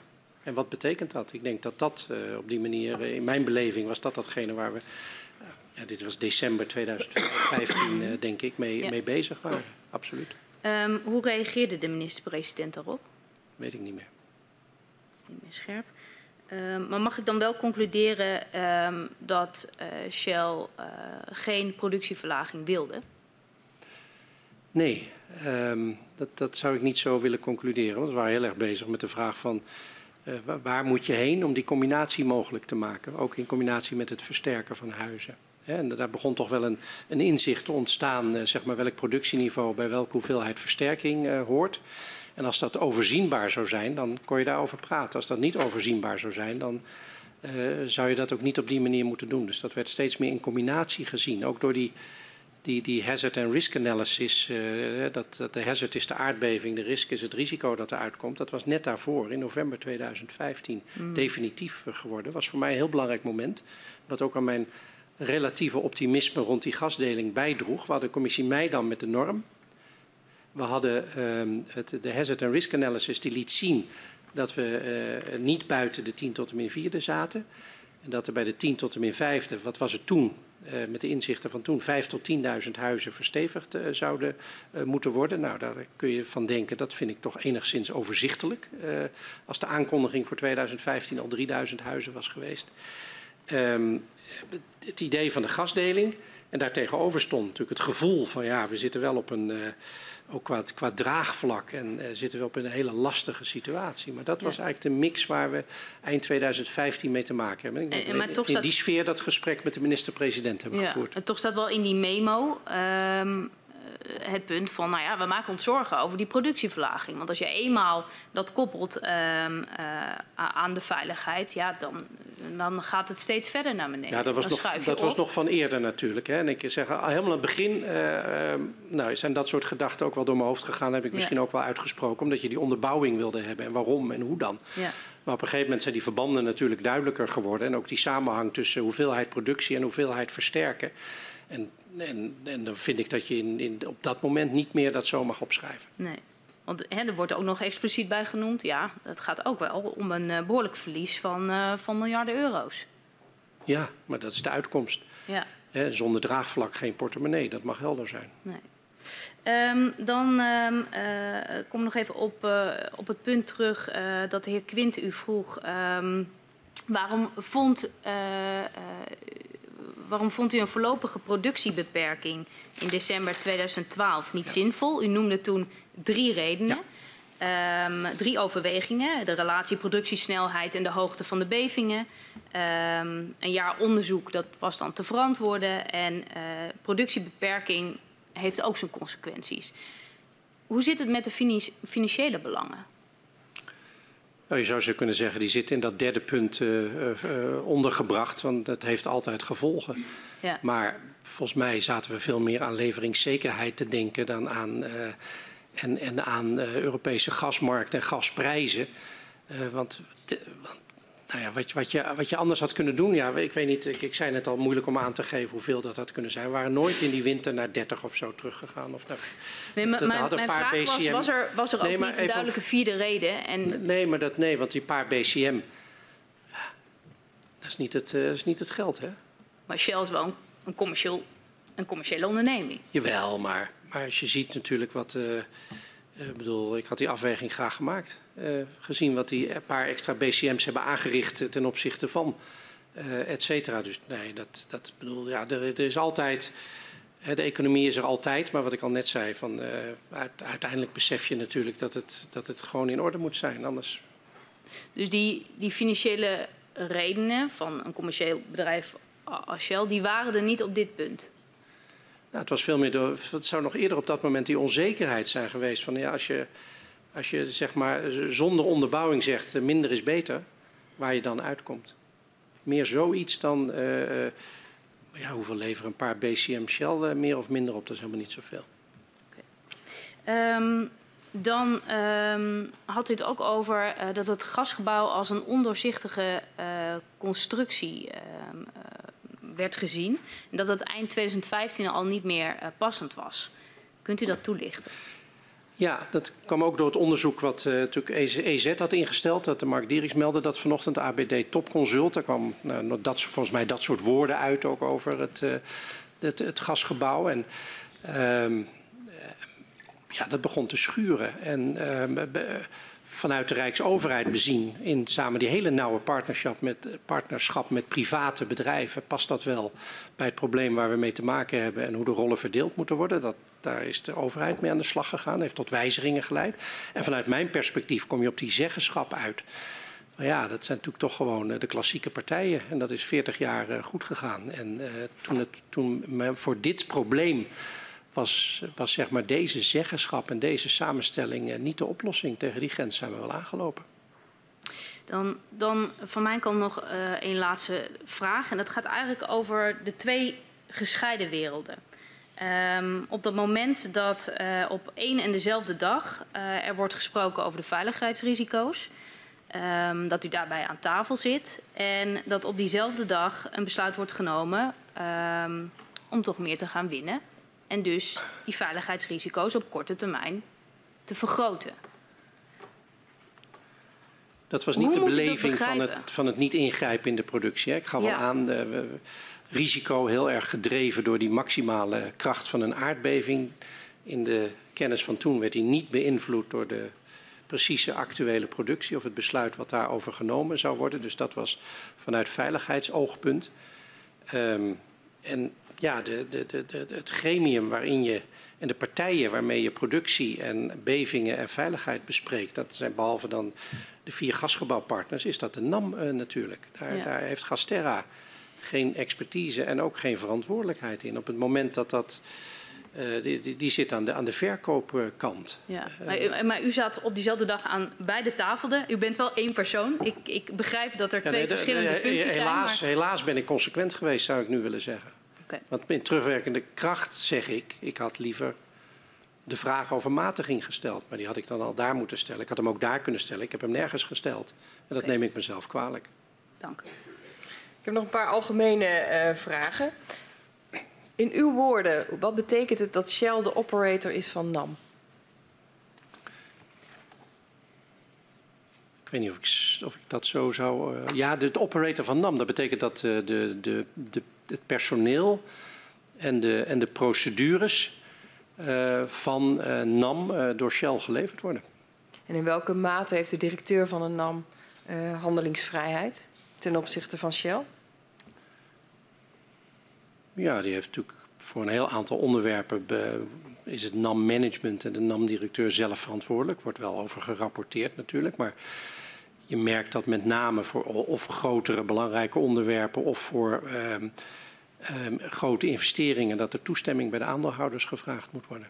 En wat, wat, waar, waar ligt de grens inderdaad of een onderwerp groot en belangrijk wordt?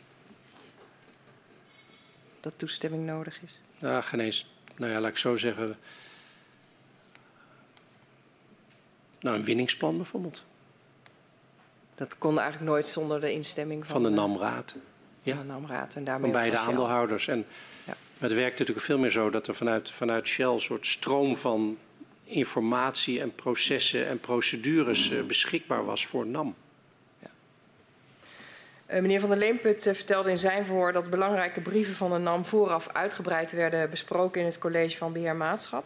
Bijvoorbeeld uh, de brief die meneer Van Leemput in januari 2013 aan minister Kamp stuurde. Hoe gebruikelijk was het in uw tijd dat het college van beheer maatschap ook dat soort zaken bespreekt? Nou, dat was dus voor Huizingen absoluut niet gebruikelijk gaf ik al aan. Het was niet een heel spectaculair gezelschap. Uh, dat ging over investeringen in de opslag van Norg elke keer weer. Uh, na Huizing is dat natuurlijk drastisch veranderd. En ja, eigenlijk is, is dat de plek geworden waar de partners het gesprek met elkaar voerden over wat er aan de hand is, wat er moet gebeuren en hoe NAM bezig is. Welke adviezen zijn er voor NAM, welke aansporingen zijn er voor NAM. en, en dat is het, het gremium waarin dat gesprek gevoerd is. En vandaar dat dat ja, over zulke belangrijke onderwerpen, dat daar, dan wordt er afgestemd. Dat was ook de opdracht van het, uh, van het gasgebouw. Dat is pas aan het eind van 2012 eigenlijk usance geworden.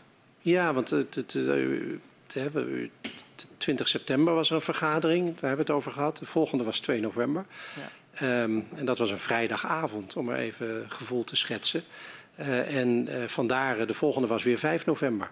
En vandaar is natuurlijk de frequentie en het, het overleg enorm omhoog gegaan.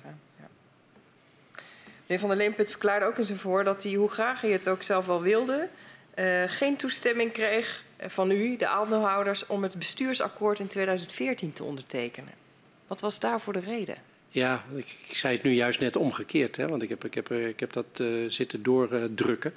Uh, daar is een formele weg gevonden.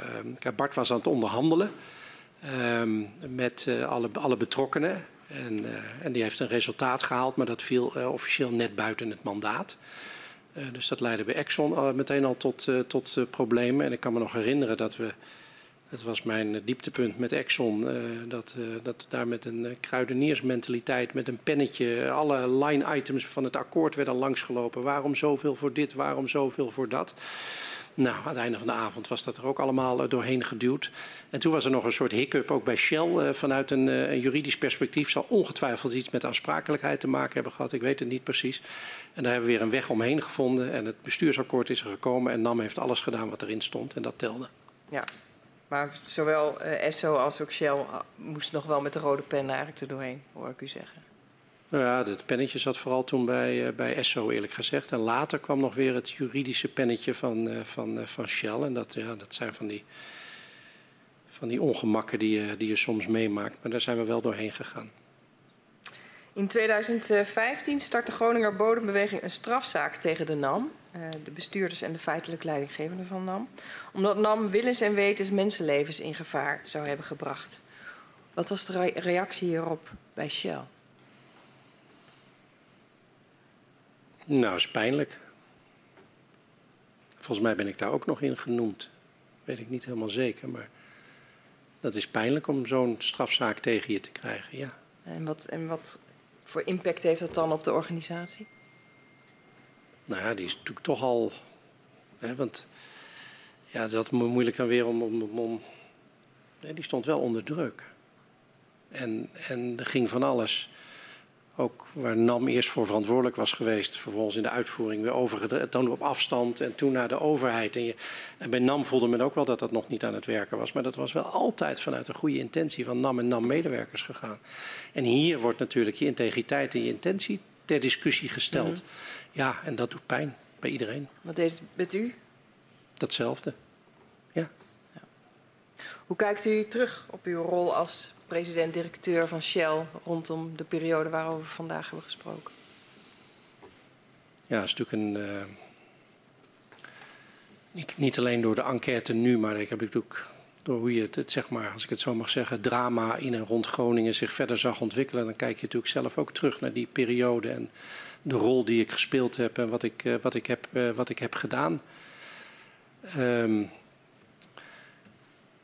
zijn eigenlijk twee momenten waar ik, uh, waar ik naar kijk. Eigenlijk helemaal aan het begin. Dat het eerste moment, wat ik dus een dieptepunt voor mezelf vond, omdat ik daar niet goed zat, was die productie in de winter van 12, 13. Um, ja, dat, dat had het probleem niet opgelost. Hè. Als we 6 BCM minder hadden geproduceerd, maar dat had het waarschijnlijk minder erg, minder snel heel erg gemaakt. Dus het heeft heel fout uitgewerkt. En ik heb daar een rol in gespeeld.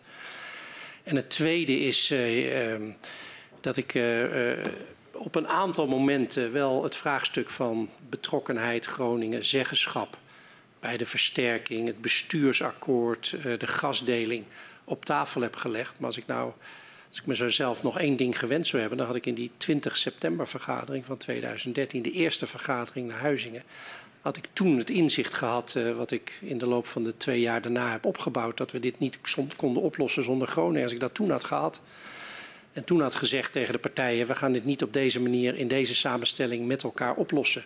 Maar we zaten heel erg, dat heeft u ook al van andere betrokkenen gehoord, er is iets gebeurd. We beseffen ons dat er echt iets is veranderd, maar we gaan dit oplossen. Dat was de modus waar we in zaten.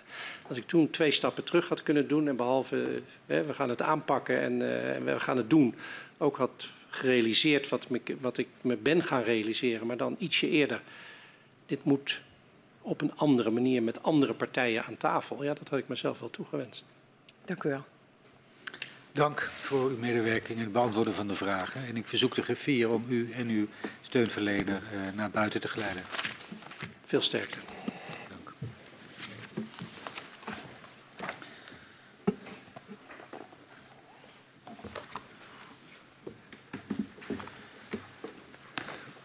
Morgen hebben wij het eerstvolgende verhoor om 10 uur. En dat is met uh, de voormalig minister van Financiën Dijsselbloem. Ik ga uh, voor dit moment uh, de vergadering sluiten.